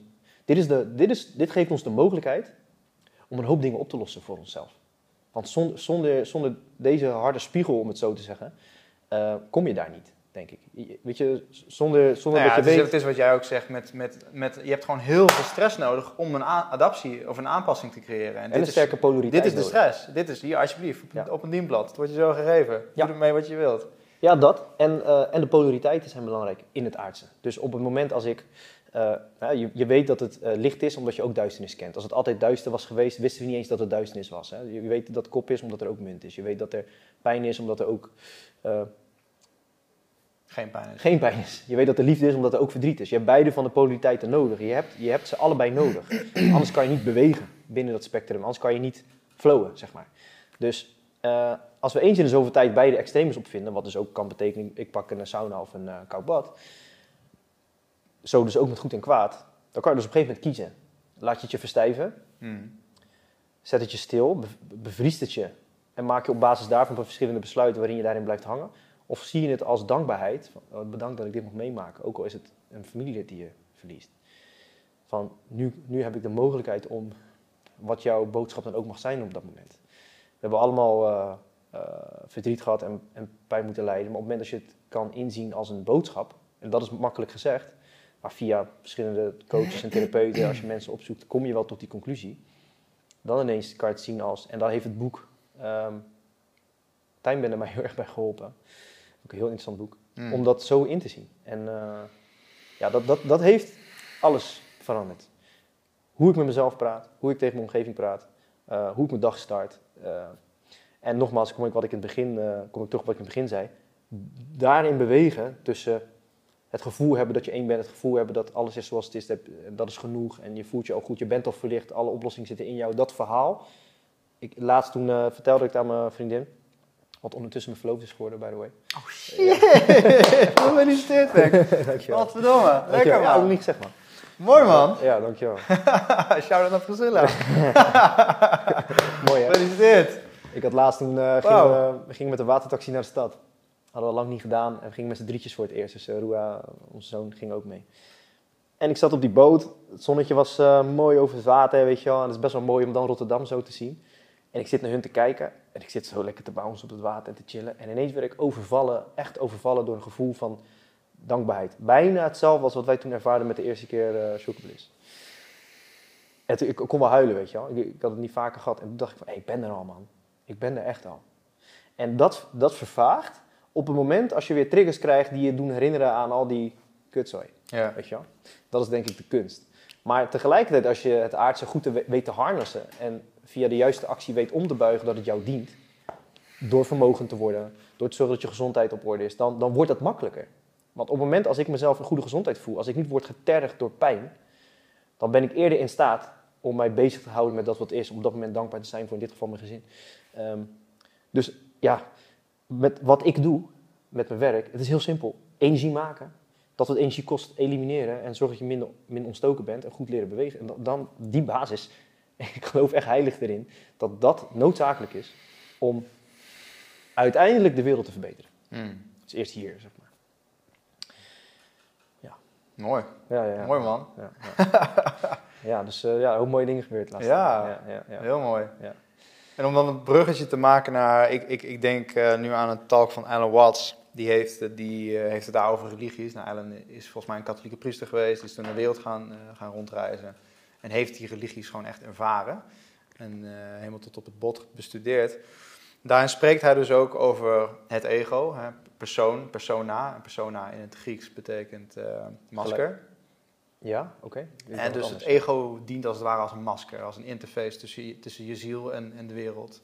En creëert zo die driehoeksverhouding. Anders zou er niks te ervaren zijn, want dan ben je het. Mhm, mhm. Ehm, daarin omschrijft hij dus ook, zeg maar, eh, de katholieke kerk, boeddhisme, eh, islam. En daar heeft hij het dus ook over die boeddhisten die dus kijken naar die rollen die, die een christen bijvoorbeeld speelt. Van, hè, of je gaat naar de hemel of je gaat naar de hel. En dat een boeddhist dan... eh, nice man, jij speelt die rol echt koude goed. Interessant, ja. En, en dat gegeven, laatst heeft Paul Check heeft een, eh, een, een, een serie van vier interviews gedaan met uh, Anna uh, Rijtor. Ik heb eentje geluisterd, ja. En nou, nou ja, dat, ja, dat, was wel interessant. Ja. Ik heb dat boek uh, gekocht van haar, okay. God Tricks of the Matrix. Ja, die moet ik nog aanschaffen. Ja. En, maar in principe, als je die gesprekken al luistert, dan kom je al een heel eind. Wat, wat heel interessant is, zij heeft dus ook zij spreekt zeven talen vloeiend. Zij heeft geleefd met heel veel verschillende soorten uh, mensen, gewoon boeren en zo. Dus zij is antropoloog en ze heeft, ze PhD hier en PhD daarin. Maar wat ze, wat, ze, wat ze het liefste ervaart, is de simpliciteit van het leven bij de mensen die het meest in touch zijn gebleven met de natuur. En een van de stammen waarmee ze heeft geleefd is de Vakari. En die, uh, die mensen die geloven dus niet. Ze, ja, ze, ze ervaren alleen maar het leven. En ze, ze weten van religies af, maar ze kiezen er bewust voor om niet te geloven. Omdat zij geloven dat dit het is. En uh, wat, wat wel interessant is aan wat zij daar ook in deelt, is dat ze uh, voor alles voor alles heeft alles een antwoord. En dat antwoord is er al. En daar hoef je niet voor naar boven. Daar hoef je niemand voor te aanbidden. En zij, dat is ook een van de dingen die ze zegt, van, oh, dat het woord God is ook heel misplaatst. Omdat het zoveel verschillende dingen betekent voor zoveel verschillende mensen. En volgens mij, Paul die noemt het ook dat het, dat het christendom al iets van 18.000 verschillende stromingen heeft. Die allemaal beweren dat ze het antwoord zijn, zeg maar. En dat hun God de God is. Ja. Dus zij heeft het woord gebruikt ook niet meer. En zij kiest er ook voor om Great Spirit, ja. universum in uh, ja, ik, te omarmen. Ik, ik, geloof wel dat er een, ik geloof wel dat er een God is. Ik geloof dat er een, uh, laten we zeggen dat er een bron is. En dus van alle religieën die er zijn, dat het wellicht iets van een legacy is. Van een beginpunt, om het zo te zeggen. Dus uh, ja, dat, dat vind ik wel interessant. Het is, ja, het is altijd, op het moment als je een autoriteit, laten we zeggen een, priester dan, of een katholieke dominee, whatever, in, je, in jouw religie, als je zeg maar zijn woord aanhoudt als waarheid, dan is dus waarheid altijd gekoppeld aan autoriteit. Dat is, dat is, dat is het tricky ding ervan. Ik wil niet zeggen dat dan wat wordt gezegd dat het niet juist zou zijn of whatever. Maar dat, dat is het lastige waar ik altijd een beetje tegen heb uh, aangelopen. Dat je het toch moet hebben van iemand zijn biased mening. Ja. Terwijl het wel, laten we zeggen de islam en, uh, en de bijbel in mijn optiek wel gewoon een legacy zijn van ergens vandaan. Ja, het is, het is ook um, mega. Dus, het is allemaal, ze hebben allemaal hele mooie aspecten. En het ja. is, dat is ook niet voor niets dat er, dat er overal ter wereld een boek is. Ja. wat eigenlijk alle antwoorden heeft. Ja. Alleen de antwoorden zijn vervormd en gemisinterpreteerd in mijn optiek door heel veel mensen en misbruikt. En nou ja, door wie ze misbruikt zijn, dat is de extraterrestrial uh, trip. Ja, die komen waarschijnlijk dadelijk nog op. maar in principe, uh, daarin ook komt ook weer het geloof. Het geloof, wat geloof je? En je geloof creëert letterlijk je realiteit. Ja. En kun je, die, kun je dat geloof bevestigen met jouw perceptie en de omgeving die die perceptie kan vormen? En zo ben je dus in een dans met het leven en ben je je eigen perceptie en die van de natuur ja. eigenlijk aan het samensmelten. Ja. En dat is dus des te moeilijker wanneer je in pijn en angst zit. En dus... Ja, ja, nee. Want, uh, het, is niet, het is niet onmogelijk. Het is, het is wel het, het vormtje en het, het, weet je, het zijn lessen, het zijn, het zijn frequenties die een les komen, komen geven. Ja, nee, dat, dat, dat, dat ben ik met je eens. Ik bedoel meer te zeggen, stel je bent... Maar je bedoelt in chronische... Stel je zit uh, elke dag op de bank, je kan niet eens uit je, uit je stoel komen van de rugpijn. En je hebt geldproblemen en je gelooft dat de wereld uh, aan gort gaat.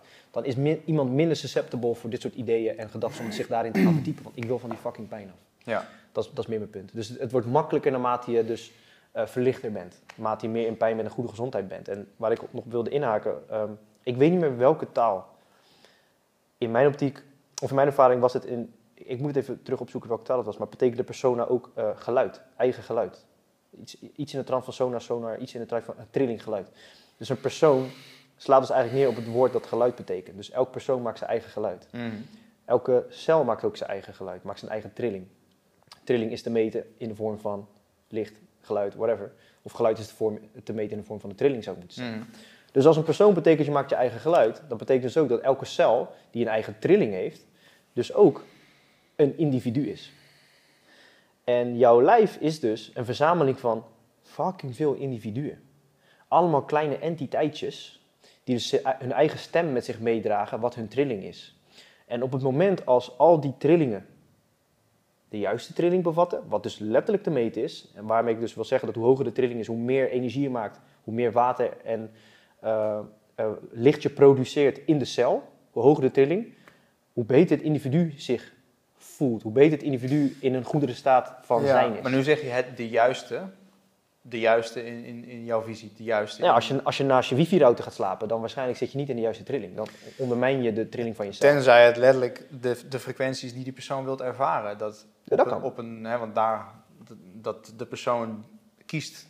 Ik geloof dat mensen, dat een ziel kiest voor een, voor een aandoening en kiest voor een ziekte. Zodat het zich kan ontluiken en ontvouwen en ontwikkelen van die, van die ziekte of aandoening, staat van zijn. Om bepaalde Ja, lessen tot zich te nemen. Juist, zodat je een bepaalde groei kan meemaken. Ja, eens. Ik, eh, ik zou nooit kunnen uitsluiten dat dat niet een, eh, een, een doel zou kunnen dienen. Maar het aardse zegt, als je fuckt met de cel en zijn software, door bijvoorbeeld het te bombarderen met slecht voedsel, bla bla, straling, dan gaat die cel zich anders gedragen. En dan is, een cel moet in staat kunnen zijn om zichzelf te kunnen doden. Dus in de cel heb je nucleus, je hebt de ke- celkern, daaromheen heb je mitochondriën, die maken de energie. Nou, die mitochondriën die moeten in staat kunnen zijn om veel energie te maken, dan is iedereen happy de peppy. En als een cel niet goed functioneert of hij is een beetje kapot of zo, dan moet hij apoptosis kunnen in, inzetten, oftewel zelf, zelfdoding, voor het grotere goed. Dat is het lijf. Dat, dat kan een gezonde cel als het ware. En dan hang- hangen weer allemaal systemen aan waar ik niet aan durf te, hang, eh, te spreken, want dat is meer Rutse onderdeel en eh, ik ben er niet kundig in. Maar wat ik wel durf te vertellen is dat de cel moet in staat kunnen zijn tot apoptosis, tot zelfdoding. Als een cel niet in staat is tot zelfdoding, vaak vanwege leefstijl, omdat bepaalde dingetjes in de nucleus, in de cel en DNA niet helemaal goed verlopen, dan krijg je dus dat de cel nog, dat die kapotte cel, zich, zichzelf niet kan doden. En dan om zichzelf nog een beetje levendig te houden, kan hij ervoor kiezen om te delen. Dan krijg je dus kanker. En vaak tijdens of daarna vinden dan ook auto-immuunsystemen of processen plaats om nog iets te proberen te vernietigen. Ja, dan krijg je dus dat het lichaam zichzelf gaat vernietigen. Dus uiteindelijk, als een cel niet in de juiste trilling is, als een cel niet goed functioneert, loopt alles gewoon naar de kloten. Alles gaat gewoon naar de kloten, want alles is door de war. Dan kan het voor jou misschien wel de bedoeling zijn om iets mee te maken voor het grotere goed. De mens. Ehm, voor de trilling van de wereld, voor groei van de mensheid, whatever. Want we hebben nou eenmaal die twee polariteiten nodig. We hebben nou eenmaal dood en verderf en verdriet nodig. Maar los daarvan, ik wens het niemand natuurlijk. Dus als het de bedoeling is, als jij in het leven staat, ik wil goede gezondheid hebben, respecteer dan gewoon hoe die cel werkt. Want het, het brengt problemen met zich mee op het moment als de trilling niet goed is. Heb je de pech of het geluk, het is maar net hoe je het wil bekijken, dat jij wat we dan noemen een ziekte meemaakt. Ja, wie ben ik om dat te zeggen, maar zie je de dankbaarheid van in? Wat brengt het? Wa- wat, is, wat is het wat je ermee kan maken? Wat is het wat het oplevert? En wat voor inzichten kan je eruit halen? Ja, de- ehm, ik vind het moeilijk om te zeggen, want er zijn nu heel veel mensen die waarschijnlijk mee gaan luisteren die eh, in, in heftige situaties zitten of eh, mensen hebben die eh, om hen heen nu aan het sterven zijn. Mhm. Maar toch is dat wel, denk ik, hoe Ja, je wilt en- ombuigen. En dus ook wat je dus net stelt, van die ene cel is in staat tot apoptose. Misschien is die persoon die ene cel voor het grotere geheel en gaat apoptose plegen, zodat jij en de rest kan floreren. Precies. En sterker nog, als een cel dus al in staat is, een gezonde cel, eh, tot apoptose, tot zelfdoding voor het grotere goed, dat die gewoon zegt, hé hey jongens, eh, ik pak deze wel, ik vlieg wel op deze granaat. Dat, dat, zou, dat zou je moedig kunnen noemen. Het is super moedig dat je dat, je dat kan. Je hebt, dat is moedig. Je, je Ja, durft en, daarvoor, en daarvoor heb je dus wel het grotere geheel te ervaren. ook. En als je, stel dus als de cel gezond is en hij kan dat doen, zelfdoden, ter, ter goede van het grotere goed, dat, laten we dat moedig noemen. Stel als die cel daar niet toe in staat is. ultieme liefde zou ik dat noemen. Ook. La- laten we die definities laten voor wat het is. Maar inderdaad, ik ben het wel met je eens. Moed of liefde. Dus ik probeer hem nog een keer even op te zoomen voor de duidelijkheid. Als een cel gezond genoeg is, wa- waardoor die in staat is tot zelfdoding. Voor het grotere goed. Zie je dat niet terug in gezonde mensen? Die in staat zijn voor het grotere goed. Die moedig zijn. Die durven te zeggen, ik ga nu hier staan. Ik sta hiervoor. Ik ben hier bang voor, maar ik ga er toch naartoe. Is dat niet, hangt dat niet samen aan de gezondheid van de cel ook? Als een cel dat ook laat zien. En als we hem omdraaien. Als die cel dus niet in staat is tot zelfdoding. Hij groeit maar door. Hij weet zijn stofwisseling en celregulatie niet meer goed te handhaven. Zie je dat ook niet terug in een persoon die zichzelf niet meer goed weet te handhaven. Die niet meer moedig is. Die niet meer voor iets durft te staan. Die dus verstart en verstijft. En zich laat bepalen hoe hij met zijn gezondheid om moet gaan door iemand anders. Die zich laat bepalen hoe hij zich moet bewegen door iemand anders. Die zich laat bepalen hoe hij met zijn, met zijn kinderen om moet gaan door iemand anders. En met zijn medemens. Is dat niet al terug te herleiden naar hoe de cel zich gedraagt? Ja, ik denk van wel. Want die cel is al een entiteit op zich. Sterker nog, als, we het ook, als ik de brug maak naar bewegen, het DNA is een dubbele helix. En het is een spiegelbeeld van zichzelf, want die beide strengen zijn eigenlijk identiek aan elkaar. Mhm. En hoe dat gevormd, als we naar de kleinste cel van de mens kijken, volgens mij is dat de spermacel. De kleinste cel die we kennen. Dat is slechts een stukje DNA met een staartje eraan en volgens mij één mitochondrium erin of zo. Of heel weinig in ieder geval. Maar het is gewoon een stukje DNA met een staartje. Ja. We dachten dat hij altijd zo zwom, als een kikkervisje. Hij zwemt zo, dat celletje. Want hij moet kunnen penetreren in de eicel. Dus hij moet propulsie hebben. Dus als het kleinste celletje van de mens zichzelf al zo beweegt, in, in rotaties, in, in spiralen, en het gaat uiteindelijk zich ontpoppen, ontvouwen, uitvouwen tot embryo, kind, baby, mens, zou dan ons, onze beweging ook niet een afgeleide zijn van die cel die al zo in elkaar zit? Mhm. Zou dan ons gedrag ook niet een, een, een afgeleide kunnen zijn van hoe onze cellen zich gedragen? En zou dan de cel niet een afspiegeling zijn van de omgeving waaraan wij ons blootstellen? Dit is wat ik geloof. Dit is wat ik denk dat, dat in het aardse waar is. En als je dat geheel dus kan koppelen aan goede acties en het spirituele, om het even zo te noemen, dan heb je grip op de zaak en ben je in een betere staat van zijn om te kunnen groeien. In de breedste zin van het woord. Want groei gaat altijd naar het licht.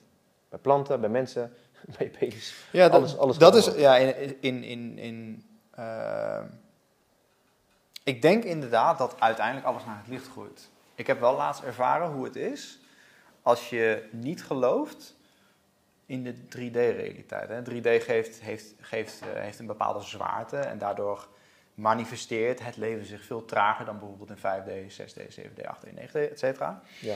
Dus ik, ik, ik lag in een, eh, volgens mij lag ik half te dromen en toen ervaarde ik van, oké, hoe zou het zijn om een god te zijn en om dus instant te manifesteren?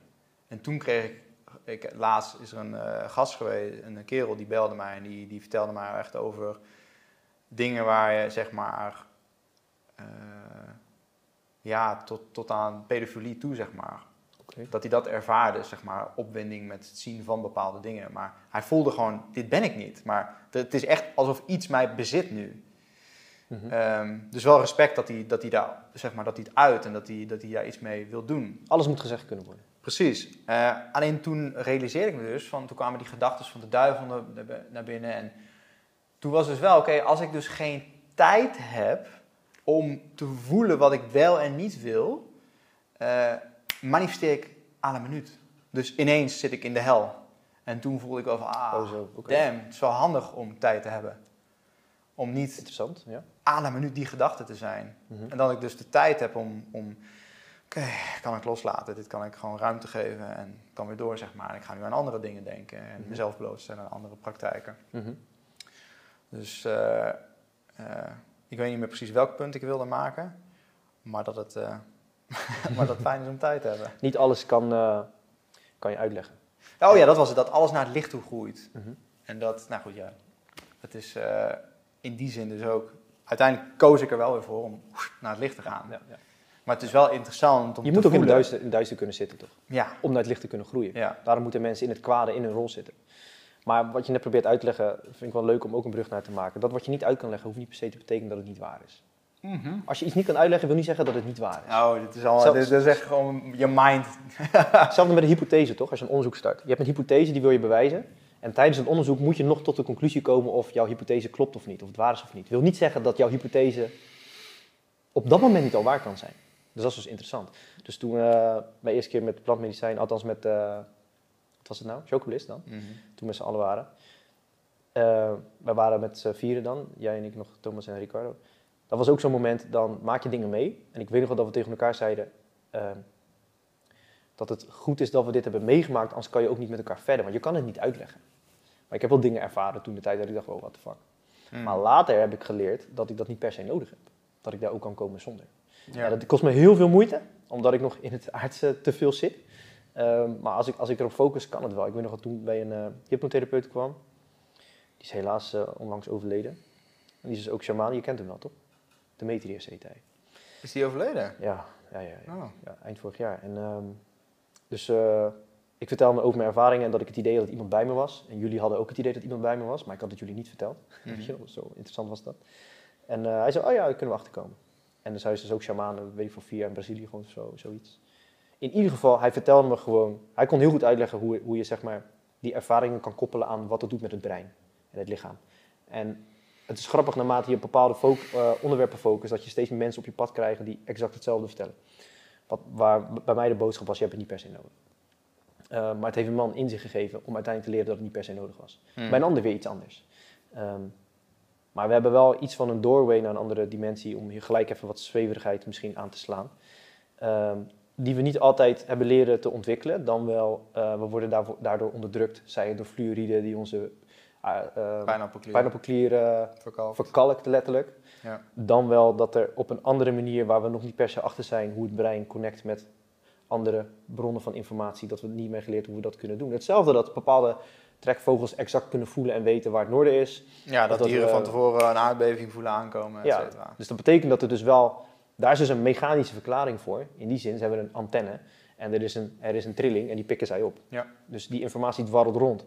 Alleen omdat wij niet kunnen zien, proeven, horen of voelen, hebben wij zoiets van, het is niet. Ja, precies. Ja. We zijn heel genegen om het niet te geloven. Maar ja, dan kom ik op het licht terug. We weten blauw licht doet iets met je lichaam. We weten de ochtendzon die maakt onder andere melatonine, dopamine, serotonine, cortisol. We weten dat duisternis geeft me- melatonine af. Dus als zonlicht, wat we met het blote oog kunnen waarnemen, impact heeft, dat bepaalde dingen die we niet kunnen waarnemen, bijvoorbeeld UV-licht, ook impact heeft, dat is maar zo'n deel van het lichtspectrum. Ja. Dan hebben we nog zo'n deel van trillingen over. Ja, ik wou net zeggen, als je, dat, als je dat al zou kopiëren naar de perceptie van jouw mind ten opzichte van het al. Ja. Stel je voor, want dit is het lichtspectrum en wij kunnen echt dit zien. Ja. Moet je nagaan hoe, hoe fucking narrow-minded onze geest dan is en denkt. We weten helemaal niks. En dat, dat had ik dus ook met, met eh, Wesley eh Kalkover van Calisthenics Amsterdam. En hij zei ook van ja, we hadden het over, over, over buitenaards leven. Zo, hij zei ook, hij heeft, volgens mij hij vertelde ook dat hij een alien had uitgeknipt op, op menselijke grootte. En die heeft hij thuis staan, zodat, hij, zodat zijn zenuwstelsel kan wennen aan het idee dat hij een keer een buitenaars vorm van leven ziet. En dat hij niet bevriest. Maar dat hij gewoon die communicatie kan voeren dan. En eh, hij zei ook naarmate na, eh, in dat gesprek van ja, het is toch, weet je, als alles kan in het universum, waarom zou ik dan, waarom zou ik dan niet expanderen? Waarom zou ik dan niet nog meer willen weten? Waarom zou ik dan nog, niet nog meer willen fantaseren? Goed punt. Ja, het is wel grappig dat hij, dat hij een alien uitknipt. Dat vind ik wel, vind ik wel Maar ik denk, ik Heel denk vet. teg- tegelijkertijd, dat is, ook weer, dat is ook weer zoiets menselijks. Hè. We, eh, Jacques Fresco, misschien wel een van de beste leraren ooit, denk ik. Misschien. Eh, voor mij misschien wel. Die zegt dat je, je kan niet buiten je cultuur denken. Dus een eh, primitieve Inuit Eskimo die nog nooit contact heeft gemaakt met de moderne westerse wereld. Als je hem vraagt wat wil je voor verjaardag, zou hij nooit zeggen ik wil Mercedes A-klasse. Want hij kent, hij kent dat concept van Mercedes niet, dus hij kan er ook niet voor kiezen. Dus je kan alleen kiezen wat in jouw omgeving, in jouw cultuur bekend is. Zo weten wij dat dit een broek is en dit een shirt, omdat het ons ooit is verteld. En dan hang, op, hang je op een gegeven moment een waarde aan. En dus je kan niet buiten je cultuur denken. Ik kan niet dingen verzinnen die ik nooit eerder heb gezien. Dus creatief zijn betekent niet dat je iets in één keer uitvindt. Tenzij je misschien een ingeving krijgt, maar even los daarvan. Creativiteit betekent, je neemt bestaande elementen en je combineert ze op een unieke manier. Mhm. Dus het tekenen van een alien is ook weer op basis van menselijke concepten. Ogen, die zijn misschien wat groter. Maar het ziet eruit als hoe we eh, films kijken of zo, lijkt het daar op, iets op. Ik denk ehm, dat het niet per se die gedaantes heeft. Ik Ik- geloof ik- dat het veel breder is. In mijn ervaring dan, ja. En dan vind ik het ook weer interessant, hoe ik wel eens met een, eh, een van mijn beste maten wel eens... eh, hij, is, hij is islamitisch en Ahmed heet hij. We hebben het wel eens over djinns. En zeg maar vanuit, vanuit Over? geesten. geesten. Ah. En vanuit de islam, en ik, ik, ik ben geen moslim, dus ik weet het misschien niet goed uit te leggen, maar kan je niet altijd het verschil weten tussen goede of slechte geesten en dat soort dingen. Hebben we het wel eens over dit soort dingen. Dat buitenaards wezen, geesten, whatever, hoe we het willen noemen, dat het niet per se hoeft te zijn in de entiteit hoe wij dat zeg maar hebben voorgeschoteld gekregen op films of zo. En dat stel ik me voor open. Ik, in die zin van, met de ervaring die ik heb gehad, ik denk de meeste mensen die een beetje op plantmedicijnen, ayahuasca hebben, gehad, hebben gedaan, heb je waarschijnlijk wel iets ervaren van, oké, dit is iets anders dan het aardse, wat je kan zien, proeven, voelen of horen. Dus dat zet de deur gelijk open. En wat is er dan nog meer als je dat ook al meemaakt? Dus d- dat is interessant. Ehm, ik wilde slechts aanhaken op het feit dat, dat wij als mensen niet, bui- niet buiten ons, onze cultuur kunnen denken. Dus dat eh, ook de, hoe de wereld wellicht in elkaar steekt, dat het buiten ons perceptieniveau is. Als jij leert dat ehm, eh, science fiction is, ik heb een lightsaber en eh, ik kan pew, pew, dit doen wat overduidelijk nep is, dan is dat jouw kader voor dit is nep. Als we vervolgens vertellen hoe eh, misschien bepaalde kinderen worden geharvest om eh, dingen af te... Nou, dat, is een, dat past niet binnen mijn framework van wat echt en nep is. Dus ik wijs het af, het zal niet waar zijn. Mhm. Ehm, dus ik wil zeggen, het, eh, dat is het lastige als je mensen... Ik zeg wel tegen mensen als ze bij ons starten... De kans is groot dat je iets moet doen, of iets gaat horen, of uitgelegd krijgt... wat je nooit eerder hebt gehoord, wat je niet begrijpt... en waar het mee oneens bent. Dat kan. Hoe ga je iemand zover krijgen? Want ik, ik moet eigenlijk gewoon dan op dat moment het referentiekader slopen... en iets toevoegen. Maar dan moet je echt wel heel erg open daarvoor staan om, Mm. om eh, dat te willen opnemen. Ja. Ik weet niet waar ik per se naartoe wilde, maar ik heb even mijn deel... Nou, dat, eh, ik, ik, wilde, ik, ik wilde weer aanhaken. Ik vind het een hele goeie, want dat is wel ook wat je, wat, je, wat je zelf ervaart in het leven. Constant die expansie, expansie, expansie. Steeds meer kan, steeds meer mag. St- Steeds meer. Steeds meer overvloed. Tenminste, zo ervaar ik dat. Eh, eh, en steeds meer verlichting. En steeds meer duisternis. Gewoon de polariteit groeit. Dat is, ik denk dat het belangrijk is dat we dat blijven zien. Dat het niet alleen maar groei en happy de peppy is. Nee, nee, het is echt wel eh, ook echt fucking zieke kommer en kwel. En Ja. daardoor Ja. kun je ook weer die, die andere kant van het verhaal ervaren. Maar om in te haken op wat je net zei, is dat, ja, pew pew, lightsabers, dat soort shit. Ehm, het zijn allemaal verhalen en expressievormen van bewustzijn wat zichzelf ervaart. En in die verhalen, nou ja, eh, Jung die heel, heel, eh, helemaal zot is van archetypes. Mhm. En dat natuurlijk helemaal, helemaal eh, weet te illustreren en Mhm. via karakteranalyse weet over te brengen aan ons Mhm. is een van de dingen die, die verhalen die blijven terugkomen. Cycli. Ja. De cycli blijft zich herhalen. En het is iedere keer net in een ander jasje. En dat al die verhalen zijn gecreëerd. Maar hoe kan een persoon een draak bedenken? Hoe kan een persoon Gollum bedenken en Smeagol?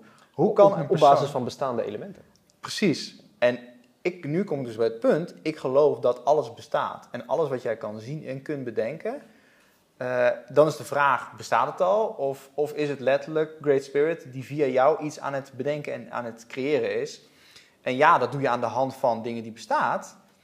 Ehm, ehm, maar wat, in ieder geval wat, wat, ik, wat ik nu zelf sterk geloof, is dat bijvoorbeeld ouderdom, eh, we worden zoveel, zoveel jaren oud, is bullshit. Het is gewoon een hive mind. Het is gewoon allemaal overtuigingen. En ons lichaam, dat is dus een Van het, van het vleeselijke voertuig. mijn ingeving, ja, mijn ingeving is dus dat wij wijs worden gemaakt dat we maar zo oud kunnen worden. En wat doet, en, en de wet van de observeren in kwantumfysica gaat zichzelf, de materie gaat zichzelf vormen naar die realiteit van Mhm. die waarnemer. Mhm. En voilà. Ja. sterft op je tachtigste, of weet ik veel wat. Of op je honderdste. En eh, ik heb nu van, van, van, eh, van bepaalde informatiebronnen doorgekregen dat er mensen op deze planeet rondlopen die 400, 500, 600 jaar oud zijn. Het zou, me, het zou me echt, om meer eerlijk te zijn, dat er nu iemand rondwandelt die 500 jaar oud is. Dat er nu iemand hier in de gedaante van mens is, maar eigenlijk een andere entiteit is. Of dat er nu een UFO, een UFO komt landen hier op de parkeerplaats en die wandelt naar buiten met... eh, het, het zou- voor mij, het zou me Ja, niet meer boeien. maar- In die zin, dat, dat kan. Ja, ik heb best ook wel wat gekke. Eh, wie zegt dat het niet kan? Ja, ik... eh, Ja, ik, en, en nu komt het volgende punt. Ja. Dus stel, stel je voor, ik zat ook helemaal te denken van... Oké, maar die laatste. Dus wat nou als ik, als ik gewoon, weet je, Skyrim of... of eh, ik zag ook tijdens de ceremonie... Ja, Skyrim is van Oblivion en eh ja, is ook allemaal fantasy shit. Je op draken vliegen en... Oh, eh, spelletje bedoel? Ja, eh, fucking vette game. Maar dat komt natuurlijk ergens vandaan. Iemand heeft dat gekregen en dat gevormd en gecreëerd. Ja. Dus, en omdat overal die verhalen maar blijven terugkomen... en of het nou een, een, een lightsaber is of, of eh, een, een magische staf eh, à la Gandalf of zo... eh, kinderen spelen natuurlijk en hebben een mega lijpe fantasie. En dan gaan wij dat helemaal vervormen en zeggen... nee, dat kan niet. Het, gaat zo en zo en zo. Dus eigenlijk Ja, wij slaan die fantasieën dood. En die Ja. kinderen die, die gaan helemaal... Avelinne, de dochter van Maaike, Mhm. Van mijn ex, die zag ook bijvoorbeeld overledene mensen, geesten. Ja, er loopt iemand met een halve arm en een half hoofd rond in het huis. En daar gewoon dood normaal over Ja. praten. Ja, precies. Ja, dus eigenlijk proberen we kinderen in een bepaalde context te duwen wat onze cultuur is. Precies. En ik denk dat het ergens ook wel... En we, ontne- we ontnemen onszelf om dat soort werelden te creëren. Ja, je, moet, je moet ook niet vergeten, dat, dat is waar, maar tegelijkertijd, kinderen die leven natuurlijk meer in de theta wave. Dus ze, ze, ze leven meer in de imaginary state tot zes of zeven jaar. Dus uiteindelijk gaat het brein ook zodanig aanpassen, wat blijkbaar natuurlijk gaat, dat het op een andere frequentie gaat werken. Ehm, maar ik denk het verliezen van die functie is wat jij net meer bedoelt, dat we dat niet moeten vergeten, toch? Ik denk dat, dat we, Nou, meer dat, dat ik geloof nu dat, dat eh, alles maakbaar is. Dus Ja. dat misschien gaat er dan veel tijd overheen, want we, we leven nu in een bepaalde wereld waarin we van alles geloven. Eh, dus, dus zul je tegen het of via of naast het geloof een nieuwe realiteit kunnen creëren. Alleen daar gaat dus een bepaalde tijd overheen, zeg maar. Dat kost energie. En omdat heel veel mensen hetzelfde geloven, en daarom is religie ook fantastisch, krijg je hetzelfde. Ja, En manifesteert die realiteit zich keer op keer op keer op keer. het is interessant. Ja, ik vind het echt zo'n Weet je, onderwerp. dat, wat wat we ooit zeiden met de Simpsons. Ja, ja, ja. ja. Waarom hebben de Simpsons gelijk gehad? Het Ja, omdat de Simpsons een beeld waren wat iedereen ter wereld zag. Een soort self-fulfilling prophecy. Precies, dus je manifesteert het gewoon. Een hele grote shout-out naar onze sponsor van vandaag, namelijk Ergomax. Innovatieve wetenschappelijk onderbouwde voedingssupplementen voor mensen die om hun gezondheid geven. Dus de volgende keer dat jij supplementen gaat bestellen, ga je naar www.ergomax.nl en gebruik je de code Matthijs10 in kleine letters aan elkaar voor 10% korting op jouw volgende bestelling. Het is zo'n lastig onderwerp en interessant tegelijk. Ik, ik denk ook niet... eh, weet je, ik ben hier niet kundig in of een expert in, dus ik, ik, ik, ik denk niet dat ik hier een relevante opmerking over kan maken, omdat ik een soort van autoriteit Ik ben. ben vrij om te fantaseren. Maar toch, je. ehm, ik geloof ik wel dat alles wat je zegt en denkt is waar. En dat als je dat uit, eruit zendt, de wereld in, het universum in, komt datzelfde terug. Ehm de of Attraction dus. Dus de, de Simpsons, ja, dat, dat heeft me wel een paar keer laten denken van... ja, ja, what the fuck is dit? Weet je wel, ja, dus of het is gewoon voorspeld en het was allemaal een part of the game, of het is een self-fulfilling prophecy, I don't know. Maar ik denk dat het, eh, ik denk dat het gewoon veel meer mogelijk is dan we denken. Ja, dat, dat, mij En dat, maakt we, en dat we veel meer impact maken dan we denken. enthousiast. Wij, wij kunnen veel meer impact maken dan we denken, anders zouden ze geen propaganda toepassen. Want je hebt blijkbaar propaganda, propaganda nodig, omdat je de bevolking iets moet laten geloven, want dat is zo belangrijk. Hmm. Terwijl als het dus als X-agenda makkelijk uit te rollen zou zijn, heb je toch geen propaganda nodig. Nee, Dus dit- zo impactvol en- zijn wij. En dit is zeg maar dan weer dat, dat, dat spel van bewustzijn, wat zichzelf van alles wijs maakt, zichzelf dwingt om het allemaal te vergeten, zodat het weer kan herreizen en kan ontwikkelen en zichzelf mag en kan, verlicht kan ervaren. Ja, ja, ja. En dat is, dat is nu zeg maar hetgeen wat, waar, waar ik nu zelf voel dat ik in zit. Van ah, oké, dus ah, ik, herinner, ik herinner weer. Ik merk wel die shift, die, eh, is echt wel een shift gaande, merken we echt bij ons in de praktijk, dat steeds meer klanten, voornamelijk wat jongere mensen, steeds meer komen met eh, andere ideeën, weet je wel.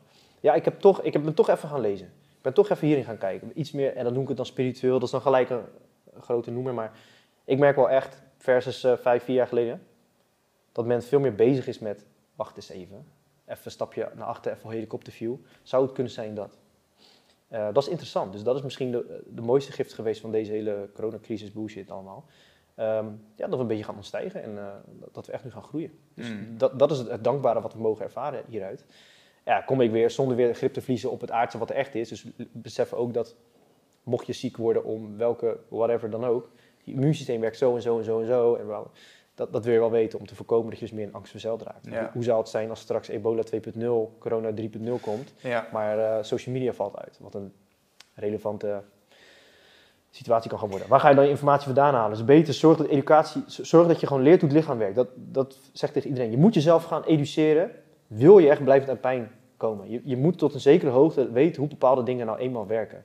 Zowel law of attraction, dat soort type eh, gebieden.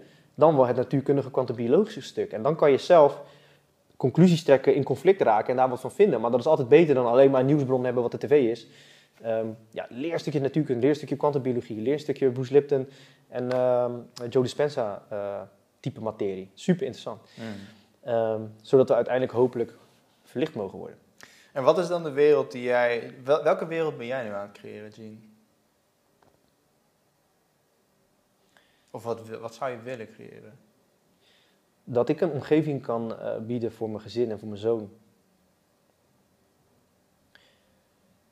Waardoor hij ehm, met zelfvertrouwen en karakter in het leven mag staan. En zich durft te uiten zonder angst. En kan brengen wat de bedoeling is dat hij gaat brengen. Ja. En dat ik, eh, dat ik de generationele vloek wil ik niet zeggen, maar gedragingen en herhaaldelijke patronen mag doorbreken. Wat denk ik ook belangrijk is dat je dat moet doen voordat je een kind krijgt. Maar goed, tijdens vooral. Zodat ik niet ga projecteren op hem wat ik hoop dat hij niet krijgt. Zodat hij door eerst te leren te nemen, kan gaan geven. Mm. En dat zal hem genoeg ehm, zingeving geven, denk ik. Ik, ben, eh, net als Ricardo, zijn we allebei een boek aan het schrijven voor onze kleintjes. En dat wordt een lang boek en af en toe schrijven we erin. ik hoop dat, dat, dat, ik hoop dat hij, als hij, laten we zeggen, 20 is of 25 jaar is, dat hij een boek van mij krijgt en terugkijkt naar wat ik heb meegemaakt, wat mijn ouders hebben meegemaakt, wat verklaarbaar is voor onze gedragingen, hoe ik met situaties heb gedeeld, tot, tot in de puntjes in detail in alle eerlijkheid, zodat hij dus begrijpt wie hij is en zodat hij kan kiezen. Hmm. Ehm,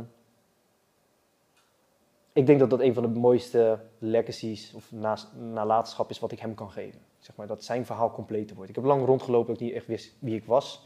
En ik denk niet dat het per se de bedoeling is dat je jezelf moet zoeken. Het is eerder dat je er arriveert, dat je jezelf vindt omdat de bullshit verdwijnt en je ontwikkelt. Hè, de wikkels gaan van jou af. Van al die bullshit, dus, dus ontdek je het vanzelf. Maar ik bedoel meer van... Ja, ik heb mezelf beter leren begrijpen door mijn ouders te leren begrijpen door te begrijpen wat mijn grootouders hebben meegemaakt en hoe ze op de boot hier naartoe moesten komen en oorlog en ellende. En oh, dat brengt dit soort overleefstrategieën in het brein. Oh, dat brengt dit soort gedragingen. Oh, en dan ga je jezelf zo wegcijferen, want je hebt bepaalde manieren van liefde nooit gekend of je hebt nooit geleerd om te nemen en te geven. Oh, daarom ben ik nu dus zo. Oh, daarom projecteer ik dat op de vrouwen op mijn omgeving. Ah, oké, wacht, kut. Daarom heb ik dit dus veroorzaakt zonder dat ik het door had. Ik liep in de weg, dat ik mezelf niet kende. Als je jezelf niet kent, dan weet je niet wanneer je uit de weg moet gaan of wanneer je plaats moet nemen. Hmm. Nou, ik hoop dat hij, Rua, dat hij dat wel gaat kunnen door zichzelf heel goed te leren kennen. Dat, dat is, meer dan dat kan ik niet doen. En in de tussentijd ehm, er zijn. Dat is nog het, het tweede deel van, antwoord op, van het antwoord op je vraag. Er zijn. En letterlijk er zijn. Dus ik ben van zes dagen werk naar drie dagen werk gegaan. Als in werk op de praktijk, dus ik ben vaker thuis. Dan ben ik er, denk ik. Dan heb ik het spelletje al zo goed als bijna uitgespeeld. Alleen het aardse nog. shit komt eraan. Dus je vermogend zijn, krachtig zijn. En dan wanneer het straks, laten we zeggen, when shit hits the fan, dat Rua weet, papa die deed wat moest. Nee, Hmm. Dat geeft hem ook dat. Weet je, als ik, als ik hoor waar mijn grootouders vandaan kwamen, denk ik ook, wat ben ik voor een fucking... Als ik dit niet zou aankunnen, weet je wel? Als wij, zouden, als wij afstammen van echt bizarre strijders van mensen. Bijvoorbeeld het, het 300 verhaal, weet je wel, van de 300 Spartanen. Laten we zeggen dat we van hun afstammen, afstammen ergens. Dat zijn mensen, vroeg in de tijd, voor ons, afstammelingen. Laten we zeggen, we stammen van hun af. Zij zijn toch het bewijskracht van waar, waar wij toe in staat zijn. Wij zijn toch een afstammeling van dat soort badass mensen. Hmm. Dan is het toch bijna, het is toch bijna beledigend als wij niet tappen in dat. Als wij niet even staan voor waar je in gelooft. Hmm. Als je niet doet wat je gelooft. Ehm, als je, het is toch een belediging als je niet in ieder geval probeert om dit lichaam te gebruiken waarvoor het gemaakt is, vind ik. En dan betekent niet als je het niet doet dat ik dan iets vind van je, maar we zijn dat wel verplicht, denk ik. Weet je? je hebt wel dit voertuig gekregen met een reden. Al werkt hij goed, werkt hij minder goed. Maar beter, weet je, tune hem, gooi hem het racecircuit op, weet je wel. En test hem, weet je wel. Uh, race tegen Max Verstappen, bij wijze van spreken. Maar, ja, ja, ja. Ehm, dat is het jagen-verzamelaarsverhaal, weet je. Met die jongens met wie we vechtsport doen. We zeggen altijd van, als het, niet jouw, als het niet jouw intentie is, als je hier naar de gym komt, om levensgevaarlijk te worden, of uh, op een gezonde, slimme manier spiermassa te bouwen, dan snap ik echt niet wat je hier komt doen. Ja, het is leuk, ik kan, ik kan ontladen en even mijn ei kwijt. Ja, ook belangrijk. Maar we moeten wel zorgen dat we machines worden, man, weet je wel. In de goede zin van het woord, zodat je beide polariteiten soms ervaart en leert beheersen. Hmm. Zodat, ja, zodat gewoon in, in mijn geval onze, mijn kind, onze kinderen kunnen kijken van... Kijk, daar, daar kom ik vandaan. Daar put ik kracht uit. Weet je, daar, daar kan ik kracht uithalen om mijn adversities tegen te gaan. Om mijn shit te gaan dealen en handelen. Waardoor ik mag geven aan mijn omgeving en verlichtingen. Dat we later bij elkaar terug mogelijk, hopelijk komen. En dan zeggen van, strijder, trots op je man. Wauw, mooi. Weet je wel? Mooi. Wat, wat kan ik nog meer doen, weet je? Wel echt een heel vet concept, man. Dat je een boek schrijft voor, voor Roa. Ja, en ja, ook, eh, ja. ja, ook van Ricardo. Ja, Rico- ja, ja hij, eh, hij begon ermee. Ik had het altijd als idee. Ik hoorde Gary Vee volgens mij een keer zeggen of zo, of iemand. Maar ik had toen nog geen kinderen. Toen begon Ricardo ermee en dacht ik, dat ga ik ook doen. Dus ik heb zo'n heel mooi, ik weet niet hoe het merk heet, maar die heeft ook van die hele mooie notebooks altijd en zo. Van die hele mystische kaften en zo. Eh, Mm. Hoe heet het nou, joh? Paperblanks, ja. Ik heb een mooie, mooie Paperblanks boek van mijn vriendin gekregen. En eh, helemaal leeg. En dan gewoon, gewoon gaan. En dan eh, een hoofdstuk van maken met een boodschap. En. Kon ik dat maar van mijn groot, groot, overgrootouders bijvoorbeeld lezen. Hoe, hoe machtig en krachtig zou dat zijn? Als jij terug in de tijd kon gaan en je leest wat zij meemaakten, maar het wel doorstaan hadden. Ja, nou, ik, ik denk persoonlijk dat dat de Bijbel is. Of de Koran. Ja, zeker. Alleen dan. Zeker, 100%. 100%. En uit die verhalen putten wij kracht. Ja. Alleen je eigen verhaal, wat is dat dan? ja, dat is het allermooiste, denk ik, als jij je eigen verhaal weet te schrijven in het leven. En dan moet je dus, komen we weer terug op dat energie maken. Dan moet je dus zorgen dat je gezondheid eh, jou dient. Dat je lichaam niet tegenwerkt, maar meewerkt. En bijvoorbeeld bij mannen dat je genoeg testosteron hebt, onder, met heel veel andere dingen die ook belangrijk zijn. Maar laten we even testosteron noemen. Want als je goede gezondheid hebt, je bent krachtig en je bent risicobereid. Je kijkt, je hebt hoog- veel dopamine, je kijkt uit naar de dag van morgen. Ja, dan overkom je. Da- Dan wordt het eh, een verhaal waard om te vertellen of zo. Da- Dan, wordt, dan gaan, we- gaan we echt mooie geschiedenis schrijven, weet je wel. Mm. En aan de andere kant kan je ook zeggen, weet je, alles wat je hebt meegemaakt, je hebt alles wat je nodig hebt, want anders was je hier nu niet. Dus je bent, je bent competent genoeg tot dusver. Ehm, maar loop je in lijn met wat, wie je wilt zijn? Of doe je dingen die je eigenlijk niet wilt, omdat je te bang bent? Uiteindelijk is het angst. Ik ook. Ik heb ook angsten. Ben je te bang om te doen wat eigenlijk moet? Maar omdat je niet doet, zit je met een conflict op je, op je kantoor. En je wilt weg. Maar je doet het niet. Of je zit in een relatie en je wilt weg, maar je doet het niet, want gezeik, gedoe, geld, bla bla, allerlei schaarste redenen. Dat conflict uit zich weer in lichamelijke klachten. Mhm. Dat kan natuurlijk ook. En via verschillende manieren kan je dat aanvliegen. Dus in mijn optiek komt het neer op fucking veel energie maken, robuust, krachtig weefsel bouwen. En een hormoonpaneel hebben die goed werkt. Wat betekent, je, hormoon, je hormonen, je emoties hangen aan elkaar. Je hormoonpaneel wordt weer gereguleerd door je biologische klok. Je biologische klok wordt gereguleerd door zonlicht, hoofdzakelijk. Dus die dingen moet je, wat je ook wil doen in het leven, fix eerst dat. Mhm. Doe dat in ieder geval eh 60, 70 procent goed. Energie maken. Wat dus betekent gaan naar buiten. Met shirt uit. Ja, gaan we daarin. Ja, gewoon energie maken. Mitochondriaal gezond worden. Mhm. En dan denk ik, want dat is ook jouw pad geweest. Dat is ook waar je, waar je mee bent begonnen. Op een gegeven moment ben je gaan leren, ik krijg nauwnotering. Als ik mijn vaat een beetje vult, als ik zo een beetje leer bewegen, wat dus eigenlijk betekent, ik krijg water overal, dus ik maak nog meer energie. Dan wordt, het is niet onmogelijk, maar het wordt makkelijker om te ontstijgen. Het wordt makkelijker om meer energie te maken, dus te groeien, dus eh, hogere trillingen te bereiken. En een hogere trilling bereiken, in mijn optiek, als je naar de kloten bent, kan het niet door alleen maar... Die zijn er wel. Mensen die zo kundig zijn, die echt, laten we even een Joe Dispenza noemen, die echt vanuit de mind echt alleen maar dat soort dingen kunnen. De meeste gewoon niet. Ze zijn gewoon niet competent genoeg. Ehm, dus, Ja, ja zijn, zijn, zijn setting was ook echt gewoon coma, ziekenhuis, kan niks. Weet je wel, wat, Ja, ja, ja, wat, Abdel bijvoorbeeld ook heeft meegemaakt, zoiets. mhm. Ja, dat, dat was de prikkel. ja, ja dat, dat leer je niet aan, denk ik. Dat, dat, dat, dat, dat heb je niet in het dagelijks leven. Dat je, of tenminste dat je eh, platgereden wordt in het ziekenhuis ligt voor een paar maanden. En dat je niks anders hebt dan je mind. En tegelijkertijd, om hem als voorbeeld te nemen, misschien luistert hij mee, ehm, is dat ook van ons weer een excuus eigenlijk. Hè? Klopt. Om te zeggen van ja, maar... Ik merk, ik merk nu wel persoonlijk, nu, ik ben nu wat meer de psychotherapie ingedoken. En dat is echt waar ik ook echt bizar mooie resultaten nu mee behaal bij, bij mensen. Dat dat bewustzijn alleen maar zichzelf wilt ervaren. En dat als je het laat zijn, dat alles is. En als alles is, Ja, dat kan ook. er niks meer gezegd worden. Dan hoef je niks meer te zien, want het is. Dus in plaats van te kijken naar mensen die, eh Joe Dispenza, Abdel, die eh lijpe dingen hebben meegemaakt waardoor ze x resultaten hebben behaald. Laten we daar dan enorm veel kracht uit putten, uithalen. Want je bent broeders van elkaar, je komt, ergens van hetzelfde punt vandaan. Dus Mm. Alleen, angst man. Angst. Ik denk, eh, energie maken, tering goed bewegen. En dan ben je eerder geneigd richting de angst toe te gaan bewegen. Ja, En dan ja. wordt hij minder. Eh, ja, letterlijk gewoon de angst ruimte geven. Alles gewoon, alles ruimte geven. Je mag hem ervaren, maar dan moet je hem wel gaan ervaren. Dan moet je Precies. uit gaan stellen. Dat is ook de grootste crux. Gewoon, dat is ook weer de mate waarin je iets niet wilt, is de mate waarin je het in stand houdt. Want het is een focuspunt, alleen je wilt het niet. Ja. Dus ja, dan wil je het niet. En dan blijft het maar tegen je bewustzijn klappen van, jouw pik, ervaar mij. En in een, in een poging om dat waar je bang voor bent niet te laten gebeuren, ben je het eigenlijk aan het organiseren. Precies, ja. Ja. In een poging om te voorkomen dat je vriendin, je partner, je bedrijf dit gaat doen, ga je vanuit angst en schaarste handelen en ga je het eigenlijk realiseren. Ehm, in een poging dat ik met jou een relatie heb en ik ben zo bang dat jij mij gaat verlaten omdat jij eh, niet op mijn level zit, dan ga ik jou proberen op mijn level te krijgen. Lees dit boek, lees dit boek. In een poging te voorkomen waar ik bang voor ben dat het gaat gebeuren, jij gaat van mij weg, want je zit niet op mijn level, creëer ik ehm, een conflict Hmm. waardoor je uiteindelijk weggaat. Ja, En op het moment dat je dat dus loslaat. Doorziet. dan- ja, ja, ja. ja. Dus de, de beste manier om mensen te helpen is door jezelf te helpen. Dan gaan mensen vragen stellen. Hoe heb je dat gedaan? Dan is de deur open. Dan kan je ze overladen met informatie.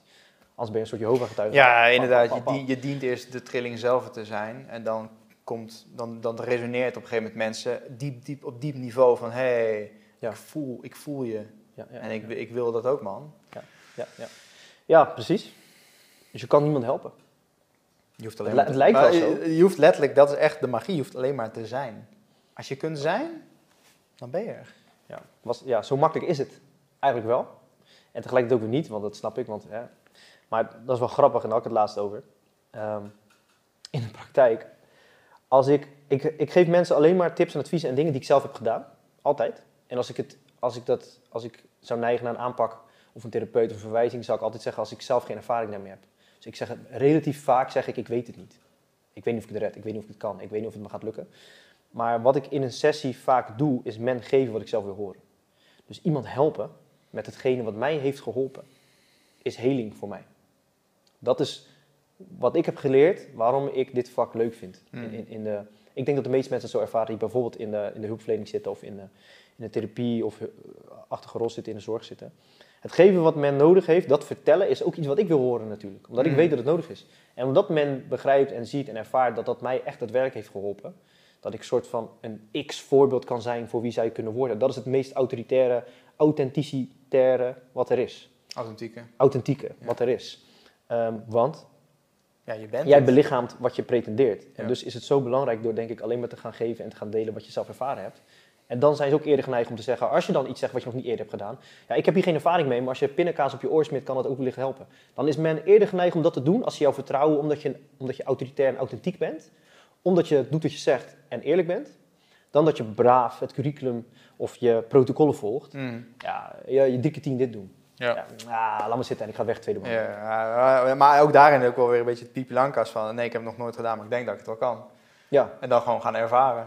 En dan kom je er samen achter of, of, of het werkt of niet. Exact. Uiteindelijk is het zo, als mensen bij ons een therapiesessie komen boeken, eh, trajecten komen boeken, we gaan het samen doen. Want ik heb die feedback van je nodig. Heeft het geholpen of niet? Ik wil weten dat wat ik heb eh, geadviseerd om te gaan doen, of dat wat ik heb gedaan, maakt dat het erger, maakt dat het minder erg. Maar dan moet ik wel weten dat dat door mij kwam. Dus stop met al die andere dingen, we gaan het gewoon proberen. Mhm. Alleen dat is als therapeut zijn natuurlijk niet iets populairs om te doen.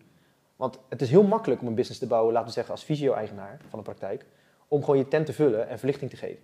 Dat is ook belangrijk en soms is dat ook noodzakelijk. Daarom, zijn, daarom is het fysiotherapeutische vak ook zo belangrijk. Omdat wij relatief makkelijk, wij zijn makkelijk, wij zijn toegankelijk en wij kunnen iemand verlichting geven. Mm. Maar wanneer het chronisch wordt, wordt het een ander verhaal. Zijn we iets minder goed in. Ja. Hoewel het fysioveld wel steeds meer ook aan het verspreiden is. Dus ehm, as we speak, ik weet niet wanneer het uitkomt, maar over twee weken ongeveer gaat onze online omgeving live. En dan wil ik meer gaan inzetten op therapeuten en trainers. Om gewoon, eh, ja, we hebben lang genoeg in de woestijn geschreeuwd, maar nu heb ik wel echt wat om te bieden. Ja. En wat jij doet natuurlijk ook, en wie allemaal nog meer. Het veld van therapeuten, trainers en artsen is ook echt aan het veranderen. Mensen die nu in een geneeskundeopleiding zitten, die bij ons komen, die zeggen, ja, ik leer het zus en zo, maar ik had het nog nooit zo natuurkundig bekeken. Als je geneeskunde studeert, dan wordt er niet zo snel gezegd, lees even dit stuk van Einstein, of lees even dit natuurkundige eh, paper, waarin uitgelegd wordt dat licht dat afremt, massa creëert. Mm. Dat soort dingen. Ehm, dus je krijgt nu al langzaam een verschuiving. Gaat lang duren. Waarom zeg ik het ook weer? Ehm, Nee, het maar ja, snel, maar, ja, Gewoon ja. blijven zeggen. En voel maar hoe het zou zijn als het snel is. ja, ja, ja. ja, in ieder geval eh, zou ik zeggen, meer energie maken. dat is het echt. Ik zou het niet vaak moeten herhalen. Heb je wel eens van die filmpjes gezien, mensen, dat mensen het wel eens op eh, Instagram of zo zien? Dan kom je wel eens, ik volg zo'n pagina op Instagram, dat heet eh, The Dark Side of Nature of zoiets. Dan zie je echt gewoon lijpe Ja, slachtingen. Ja, ja, gewoon apen die vogels doodmaken en eh, mensen die worden, of beesten die worden opgegeten en zo. Dan zie je soms wel eens gewoon een antilope of iets dergelijks met een hap uit zijn heup gewoon rondlopen, gewoon grazen.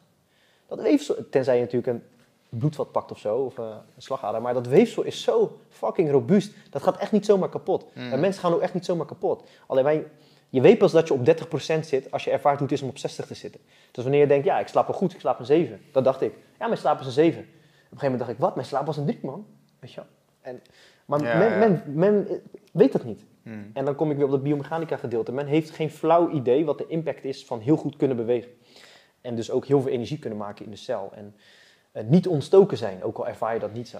Ehm, dus als we nou eens meer energie zouden maken, minder ontstoken zouden zijn en goed kunnen bewegen. En dan je problemen aan gaan pakken, dan eh, wereldvrede proberen te, te fixen. Dan eh, whatever wat je wil oplossen qua problemen. Fix eerst dat. Mm. Fix eerst dat. En dan ehm, ontwikkel je. Want dan gaat de bullshit weg, want angst gaat weg, schaarste gaat weg. Ik denk dat je dan makkelijker voorzien wordt van dat wat eh, Welzijn. de bedoeling is. Ja.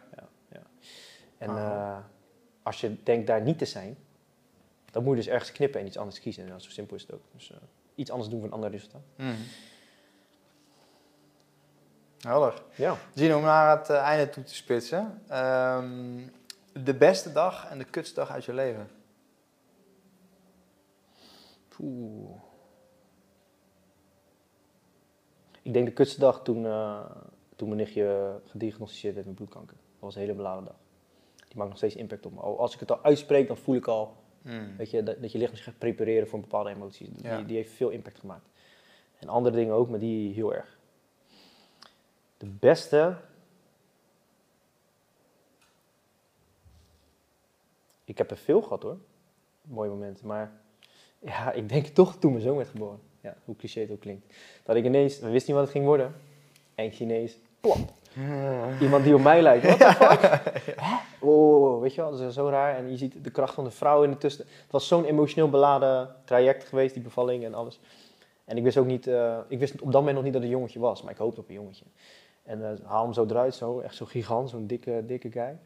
En ineens zie je zo twee van die dino-eieren hangen, weet je wel. Het is ook nog een jongen. Ah, dat had ik niet meer, jongen. Sluizen gingen open. En dan, eh, en dan zie je dat, zie je ze zo samen. En dan denk je van, ah, wauw, lotto. lotto. Ja, ja, ja. Ik denk, ja, sowieso. Die staat bovenaan. Mooi. Ja. Ehm, als ik eh, vijf van jouw beste matties bel en eh, ik vraag jou, wat is de superpower van Gene? Wat, Oh. Waar zijn ze dan unaniem over eens?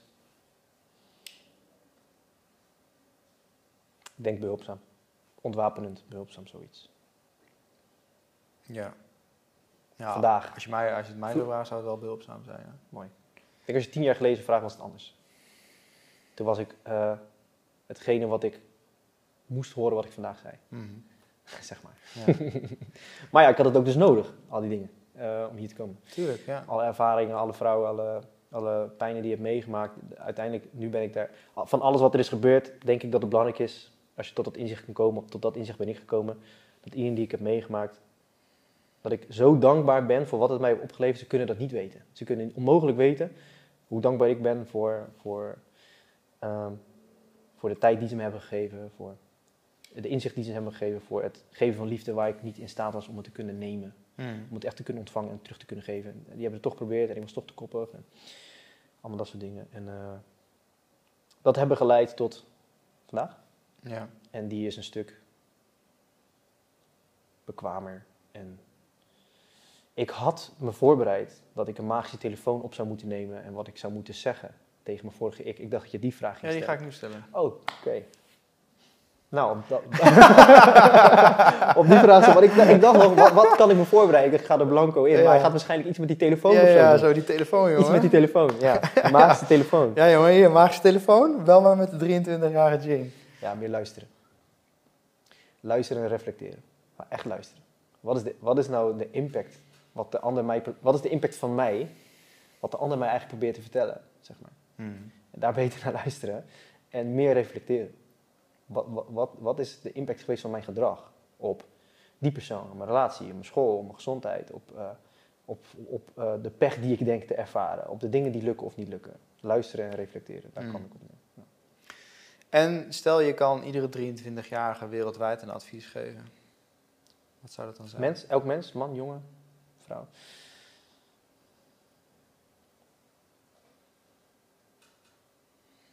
Vergeet je natuurkundige roots niet.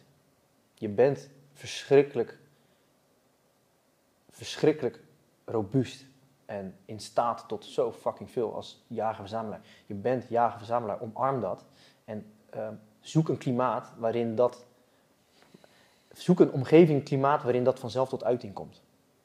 Weet je, het is moeilijk. Het is moeilijk. Stel, wij zitten in, stel, wij zitten in hetzelfde gezin en we vreten allemaal McDonald's dagelijks. Het is moeilijker voor mij om een nieuwe, gezonde gedraging aan te leren in die omgeving, uh, bordje sla eten, dan dat het is om in een goede omgeving goede gedragingen op te pakken. Het is altijd makkelijker. Dus je wilt een omgeving zoeken waarin dat wat jij wilt worden, daar waar jij naartoe wilt, dat zij dat al doen. Mhm. Dus je gaat naar een gedisciplineerde vechtsportgym, je gaat naar een BJJ gym of een karate gym, waar mensen competent zijn ook in andere, andere dingen die jou leren. Je gaat naar een stageplek, je gaat naar een vriendengroep, je gaat, naar, je gaat boodschappen doen, je gaat ergens anders waar mensen al doen wat je ongeveer zou willen. Zoek, zoek de omgeving, zoek het klimaat op die, die, uh, waarvan het gevolg is dat de reactie is robuust, kundig, veel energie maken. Dus, dus zorg dat jij het gevolg wordt van dat wat je wilt worden, zeg maar. Die omgeving wil je zoeken. Een mooi voorbeeld Bart, uh, die bij ons binnenkwam als stratenmaker. Uiteindelijk, hij, heel kun, hij was echt een sponsor. Ik gaf hem allemaal boeken en dingen. Je weet hoe het van Ja, is, hè? eh, Bart is wel gewoon, die heeft gewoon ons, eigenlijk heeft Bart ons traject doorlopen, zeg maar. Bart, ik Bart ga, heeft mij een brief, verhaal volgens mij Bart heeft mij een mail gestuurd van of ik zijn Ja. MBO-rapport wilde checken of zo voor een afstuderen. En Want hij had volgens mij een interview met Ruud en mij gezien of zo. We gaan het over Bart hebben. Bart kwam binnen, voor mij was hij 18 of 19. Zo'n grijns op zijn gezicht. Had al gesproken met Thomas en met jou gesproken. Had was met Balletje ook wezen trainen. En Balletje zei tegen mij, eh, ja, een leuke, leuke dude. Oké. Maar hij is heel eager en eh, wilde veel leren. Ik had toen mijn boekenkast in mijn praktijk staan. Hij pakte een boek en hij was in een week of twee weer terug. Ja, ik heb gelezen. Ja, waar gaat het over dan? Ja, dit en dat en dat. What the fuck? Lees dit ook nog even. Hij was bezig een straat te maken waar hij nog een beetje naartoe wilde in zijn leven, wat hij wilde doen. Zei ik tegen hem, zoek dan een stageplek bij iemand die doet wat jij ongeveer wilt doen. Ja, mag ik bij stage lopen, zei hij. Oké, is goed. Zonder fysio-achtergrond niks. Ik heb hem opgeleid als fysio in mijn, stage, in mijn stagetijd met hem. Ik heb hem een driedaagse trajecten mee laten doen, mijn personal training trajecten mee laten doen. En uiteindelijk is hij, heb ik hem in dienst genomen, is hij bij ons trainer geworden. Zo, zo, hij, wilde echt. Ik, heb hem die omgeving gegeven. Eh, mee laten sporten, mee laten knokken en zo. Toen kwam, was ik bij Tibor als business coach. Of uh, Tibor was mijn business coach toen met uh, Operatie Doorbraak. En toen zei hij van ja, ik ga met dit en dat beginnen. Oh, daar ken ik wel wat iemand voor. Tegen Bart gezegd, Bart ga daar naartoe. Heeft hij een presentatie volgens mij gehouden voor zijn ouders waarom hij naar de nieuwe lichting moest gaan. ja. Hij ging er helemaal voor en wij die omgeving gebouwd voor hem. Ricardo en ik, wij alles, alles zo zorgen en steunen. En nu zie je hem zo worden en hij komt nu binnen echt... ja, man, dus ik ben echt heel trots op je Bart. Echt, dat heeft hij goed gedaan. Nu Ja. zit hij onder de vleugel van Tibor. En ehm, ja, kijk, van begin af aan al bezig geweest met gezondheid. Hij is een mooi voorbeeld daarvan, precies wat je net zegt. Bezig geweest met gezondheid, heeft dat zijn prioriteit genomen, is daardoor heel erg ontvankelijk, trainbaar, leerbaar. Hmm. Ehm, en doet, doet wat hij zegt dat hij gaat doen. En luistert ook naar je. Reflecteert ook en, en spreekt ook uit hoe hij denkt en zo. En dan kom je gewoon in zo'n klimaat uit. Ja. Ik Nee, ik denk dat het allerbelangrijkste is gewoon... Hij, A, hij staat open en B, hij vraagt. Ja. En hij, en Ja. hij luistert. En hij maakt veel energie, hormoonpaneel is goed, testosteron is hoog. Kent zijn plaats, knokt regelmatig, ook als hij geen zin heeft. Kut, komt hij ook weer boksen. Godverdomme. Ja, en daarin is het wel dat, dat, dat aspect nu, dat, dat merk ik nu ook wel een beetje in, om me heen. Ik ben de laatste tijd heel veel met vrouwen omgegaan. En dan heb ik wel met mijn BJJ en dan ga ik eh, af en toe word ik, eh, krijg ik een goede klap of zo op mijn hoofd. Of een eh, goede trap of zo. Of zie ik sterretjes. Je bedoelt dat je tijdens BJJ met vrouwen... Nee, nee, met BJJ heb ik zeg maar echt een masculine, krijg ik Oh, gewoon ja, een goede ja. gezonde dosis. Je, er is één zo'n MMA-fighter, die, die traint ook in de gym met eh Badr Hari en zo. En echt tussen alle spuiten loopt hij rond, zeg maar. Als, zijn, zijn medium is echt fucking hard, jongen. Als hij, als hij een takedown doet bij, bij, eh, bij mij, Matthijs Airlines. Matthijs Airlines, ja. ja. Maar dat is ook wel weer lekker, dan voel je gewoon even die, rauwe, die rauwheid, zeg maar. En heel veel, gewoon heel veel samenleving is allemaal zo vlakjes, moet dan oeh, oeh, oeh, weet je wel. Daar word je toch heel kalm van? Daar word je toch heel beheerst van? Juist, ja, juist. Ja, gewoon af en toe geef me, kom maar jongen, maak, maak me kapot. Ja. En dan maak ik jou kapot. En, dan, en dan daarna weer gewoon tranquilo, zen. Weet je wel? Dat is het ook, dat, ja man. Dat vechtsportverhaal, ik geloof er zo heilig in. Ik, ik- dat is ook een van de dingen die ik wel heb gezegd van, als ik een kind krijg, krijg, dan je mag doen wat je wil. Maar er is één ding wat ik heel graag wil dat jij mag willen. En dat is namelijk BJJ. Dat is een non-negotiable, zeker. Eh, eh, mijn vriendin weet het ook. Hij gaat en en doen. Ik, ik zie het helder van in om Kyokushin te doen. Daar heb ik ervaring mee, dus daar, wil- daar wil ik hem... Ja, ervaring mee, wat kan ik zeggen dat ik ervaring mee heb? Ik doe dat nu bijna twee jaar. Ehm, wel onder... In onze toko, dus niet echt in een dojo, maar wel door, door Ricardo Kyokushin Ja, ja. tweede dan. Dat moet hij zo... Dat, dat is niet non-negotiable. Ja, maar dat is dus ook wel een beetje waar Bart in gegroeid. Bart is ook in een klimaat gegroeid met mannen die, die een visie hebben. Mannen die voor zichzelf niet- kunnen staan. En hem niet laten wegkomen met bullshit. En dat, je kan niet wegkomen als iemand van 100 kilo. Ik ben 65 kilo. Als ik spar met de jongens bij ons, met, met staand vechten, kan ik, kan ik mezelf rela- relatief redden. Ehm, in die zin van, ja, ja, weet je, kom maar, ik, ik heb wel wat te bieden hoor, om, die, om het zo te zeggen. Op de grond, ja, als iemand met 100, 120 kilo BJJ-kundig is, judo-kundig is, elke keer is het eigenlijk al wel afkloppen voordat ik ga beginnen. Van, ik weet hoe het ja, dat is heel kut. Ja. Dat, maar, eh, maar dat is wel noodzakelijk, Dat dat, je daar doorheen gaat. ja, ja. Ehm, dat je zoiets hebt van, fuck, oké, maar ik ga wel proberen te winnen. En dan lukt het niet. En een keer heb je, één keertje heb je iets gehad dat het wel lukte. Ga ik zo naar huis. Ja, het je, is, daar, het is daar echt, jongen, die, eer- vooral die eerste twee jaar is gewoon strijden. Gewoon strijden, strijden, alleen maar zoeken en gewoon weten dat je het niet kan. Gewoon we- en dan iedere keer, of ja, weten dat je het niet kan. Iedere keer die kleine nuance, oké, ik kan hier eventjes in ieder geval even mijn zij komen en niet doodgaan van de pijn. Of mijn adem wordt niet mijn leven uitgedrukt, zeg maar. Ja. En zo word je gewoon langzaam maar zeker competent. Het enige wat je Ja, hoeft ja. te, doen, te doen is eigenlijk komen. hoeft alleen maar te komen. Je hoeft alleen maar te gaan. Ja. Dat BJJ, man. Dat, staat voor mij nog op mijn En lijstje. nederig zijn, wel echt nederig. Nee, echt, echt, het heeft me echt zo nederig gemaakt. Maar dat is toch vanzelfsprekend? Als je, we hadden laatst bij ons hadden we een paar gasten. En eh, eentje was echt zo'n hele jonge... eh, ik had gehoord dat hij veel op straat vocht. En eh, als je met hem ging... we, deden gewoon, we deden staan beginnen, maar je mocht vloeren. Zeg maar een beetje Muay Thai regels. En, en dan op de grond door. En je merkte bij hem echt dat, dat, dat, dat pitbull... Hij, echt zo was hij aan het knokken, maar het gebeurde niet echt veel. En eh, hij, hij kwam dus binnen, we hadden ons een beetje voorbereid op van oké, hij is dus blijkbaar een soort straatbaasje, weet je wel. En hij was groter dan ik, zwaarder dan ik ook. Maar uiteindelijk kom je erachter dat hij dus nooit, als je echt een keertje in elkaar bent geslagen, of als je echt een keertje echt bijna oud gaat, of dat je uh, low kicks hebt gekregen dat je een week niet kan lopen, dan word je vanzelf nederig, dan hou je je bek wel. Mm. En dat is het ding wat hij mo- moest leren. En niet in de zin dat we hem dan helemaal kapot sloegen of, of trapten, maar we deden het wel. Je gaf hem, je, je- dat, heb dat gun je elkaar ook. Sterker nog, eh, Ricardo wordt boos als hij ziet dat je inhoudt. Zo van, gun je mij die groei niet? Weet je wel, Mm. wat is dit? En dan hoor je vanzelf van mij, oké, harder of zachter natuurlijk. Maar eh, mijn punt is meer, die jonge jongens, die onbeheerste jonge jongens, waarvan ik ook een was, die hebben nooit echt geleerd, je is nog niet echt gedwongen door meerdere mannen, om te leren van, nu moet je bek houden, nu ga je gewoon echt eten. Je gaat nu echt gewoon Ja, precies. En daarna dan geef je een knuffel en een kus en dan gaan we even samen even drinken. Ja. Die omgeving eh, die is er niet meer. Dus je krijgt gewoon jongens die alles zeggen, alles doen, overal mee wegkomen. En eh, die worden dan volwassen. Die bekleden dan bepaalde posities. Dat is een probleem. Mm. Dat is echt een probleem. Ja, dus daarin is ook wel... De, ik stel jou de vraag van welke wereld wil jij creëren? En dat is gewoon een vraag die nu in mij leeft. En een van de dingen die ik voel is, is van... Ja, weet je, ik beschouw jou ook als een vriend en als, als, mijn, als mijn groep, zeg maar. Weet je, ik eh, kan me nog herinneren de eerste dag dat ik jou, Thomas, Merel en Ruud om me heen en Priscilla... Mijn energie ging helemaal door Ja. het dak heen, jongen. Ik dacht, holy shit, dit ken ik gewoon niet. Nee, ja. Nee, Ja, dat, maar dat is zo. We hadden laatst ook eh, een etentje en toen eh, eh, had ik mijn team uitgenodigd en eh, hadden we biologisch vlees, rundhart, oesters, paling. Ja, alleen al door het vreten ontstijg je. En vervolgens zit je ook nog eens met elkaar. Dat is anders. Hè? Mm. Je, je merkt omdat het anders is. Je kan ook niet meer terug. Je kent aanzien. Dus je ontstijgt ook andere mensen een beetje. En dat is belangrijk. Dat ga je ook gewoon aantrekken. Ja, zo vervelend misschien bijna. Maar als je veel energie maakt. En dat hangt ook weer aan vetten en zonlicht natuurlijk. In de basis. Dat is, dat is de aardse doorway. Zo energie-efficiënt zijn, zo goed bewegen, wat betekent dat je energie-efficiënt bent, want je spieren werken als één, dus het kost je minder kracht en je krijgt meer water en bloed overal. Dus je, je energiefabriekjes, kunnen makkelijk energie maken. Als je die fixt en dan ook eens levensgevaarlijk wordt, potentie hebt om mensen te kunnen vermoorden, bijvoorbeeld met BJJ of nu voor Kyokushin Karate, dat, dat je dat gevoel hebt, niet eens dat je per se die tweede dan hebt, maar dat je dat gevoel hebt.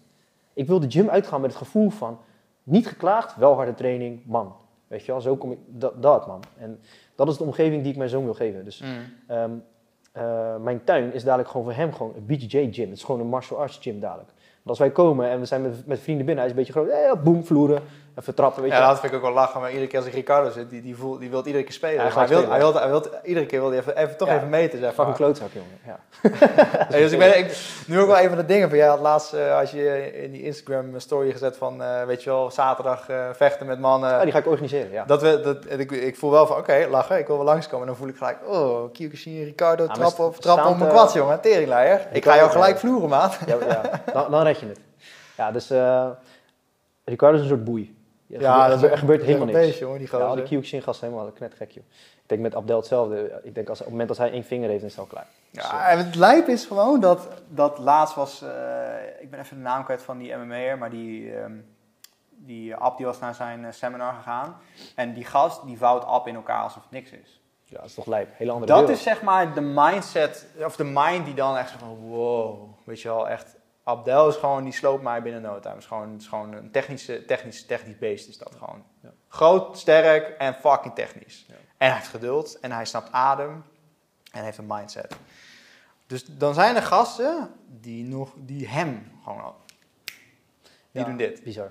Dus bizar. dat wetende, als je dat alleen al ziet in vechtsport en dat ervaart als man zijnde, dan leer je ook echt al, oeh, En dat verliezen we dus steeds meer.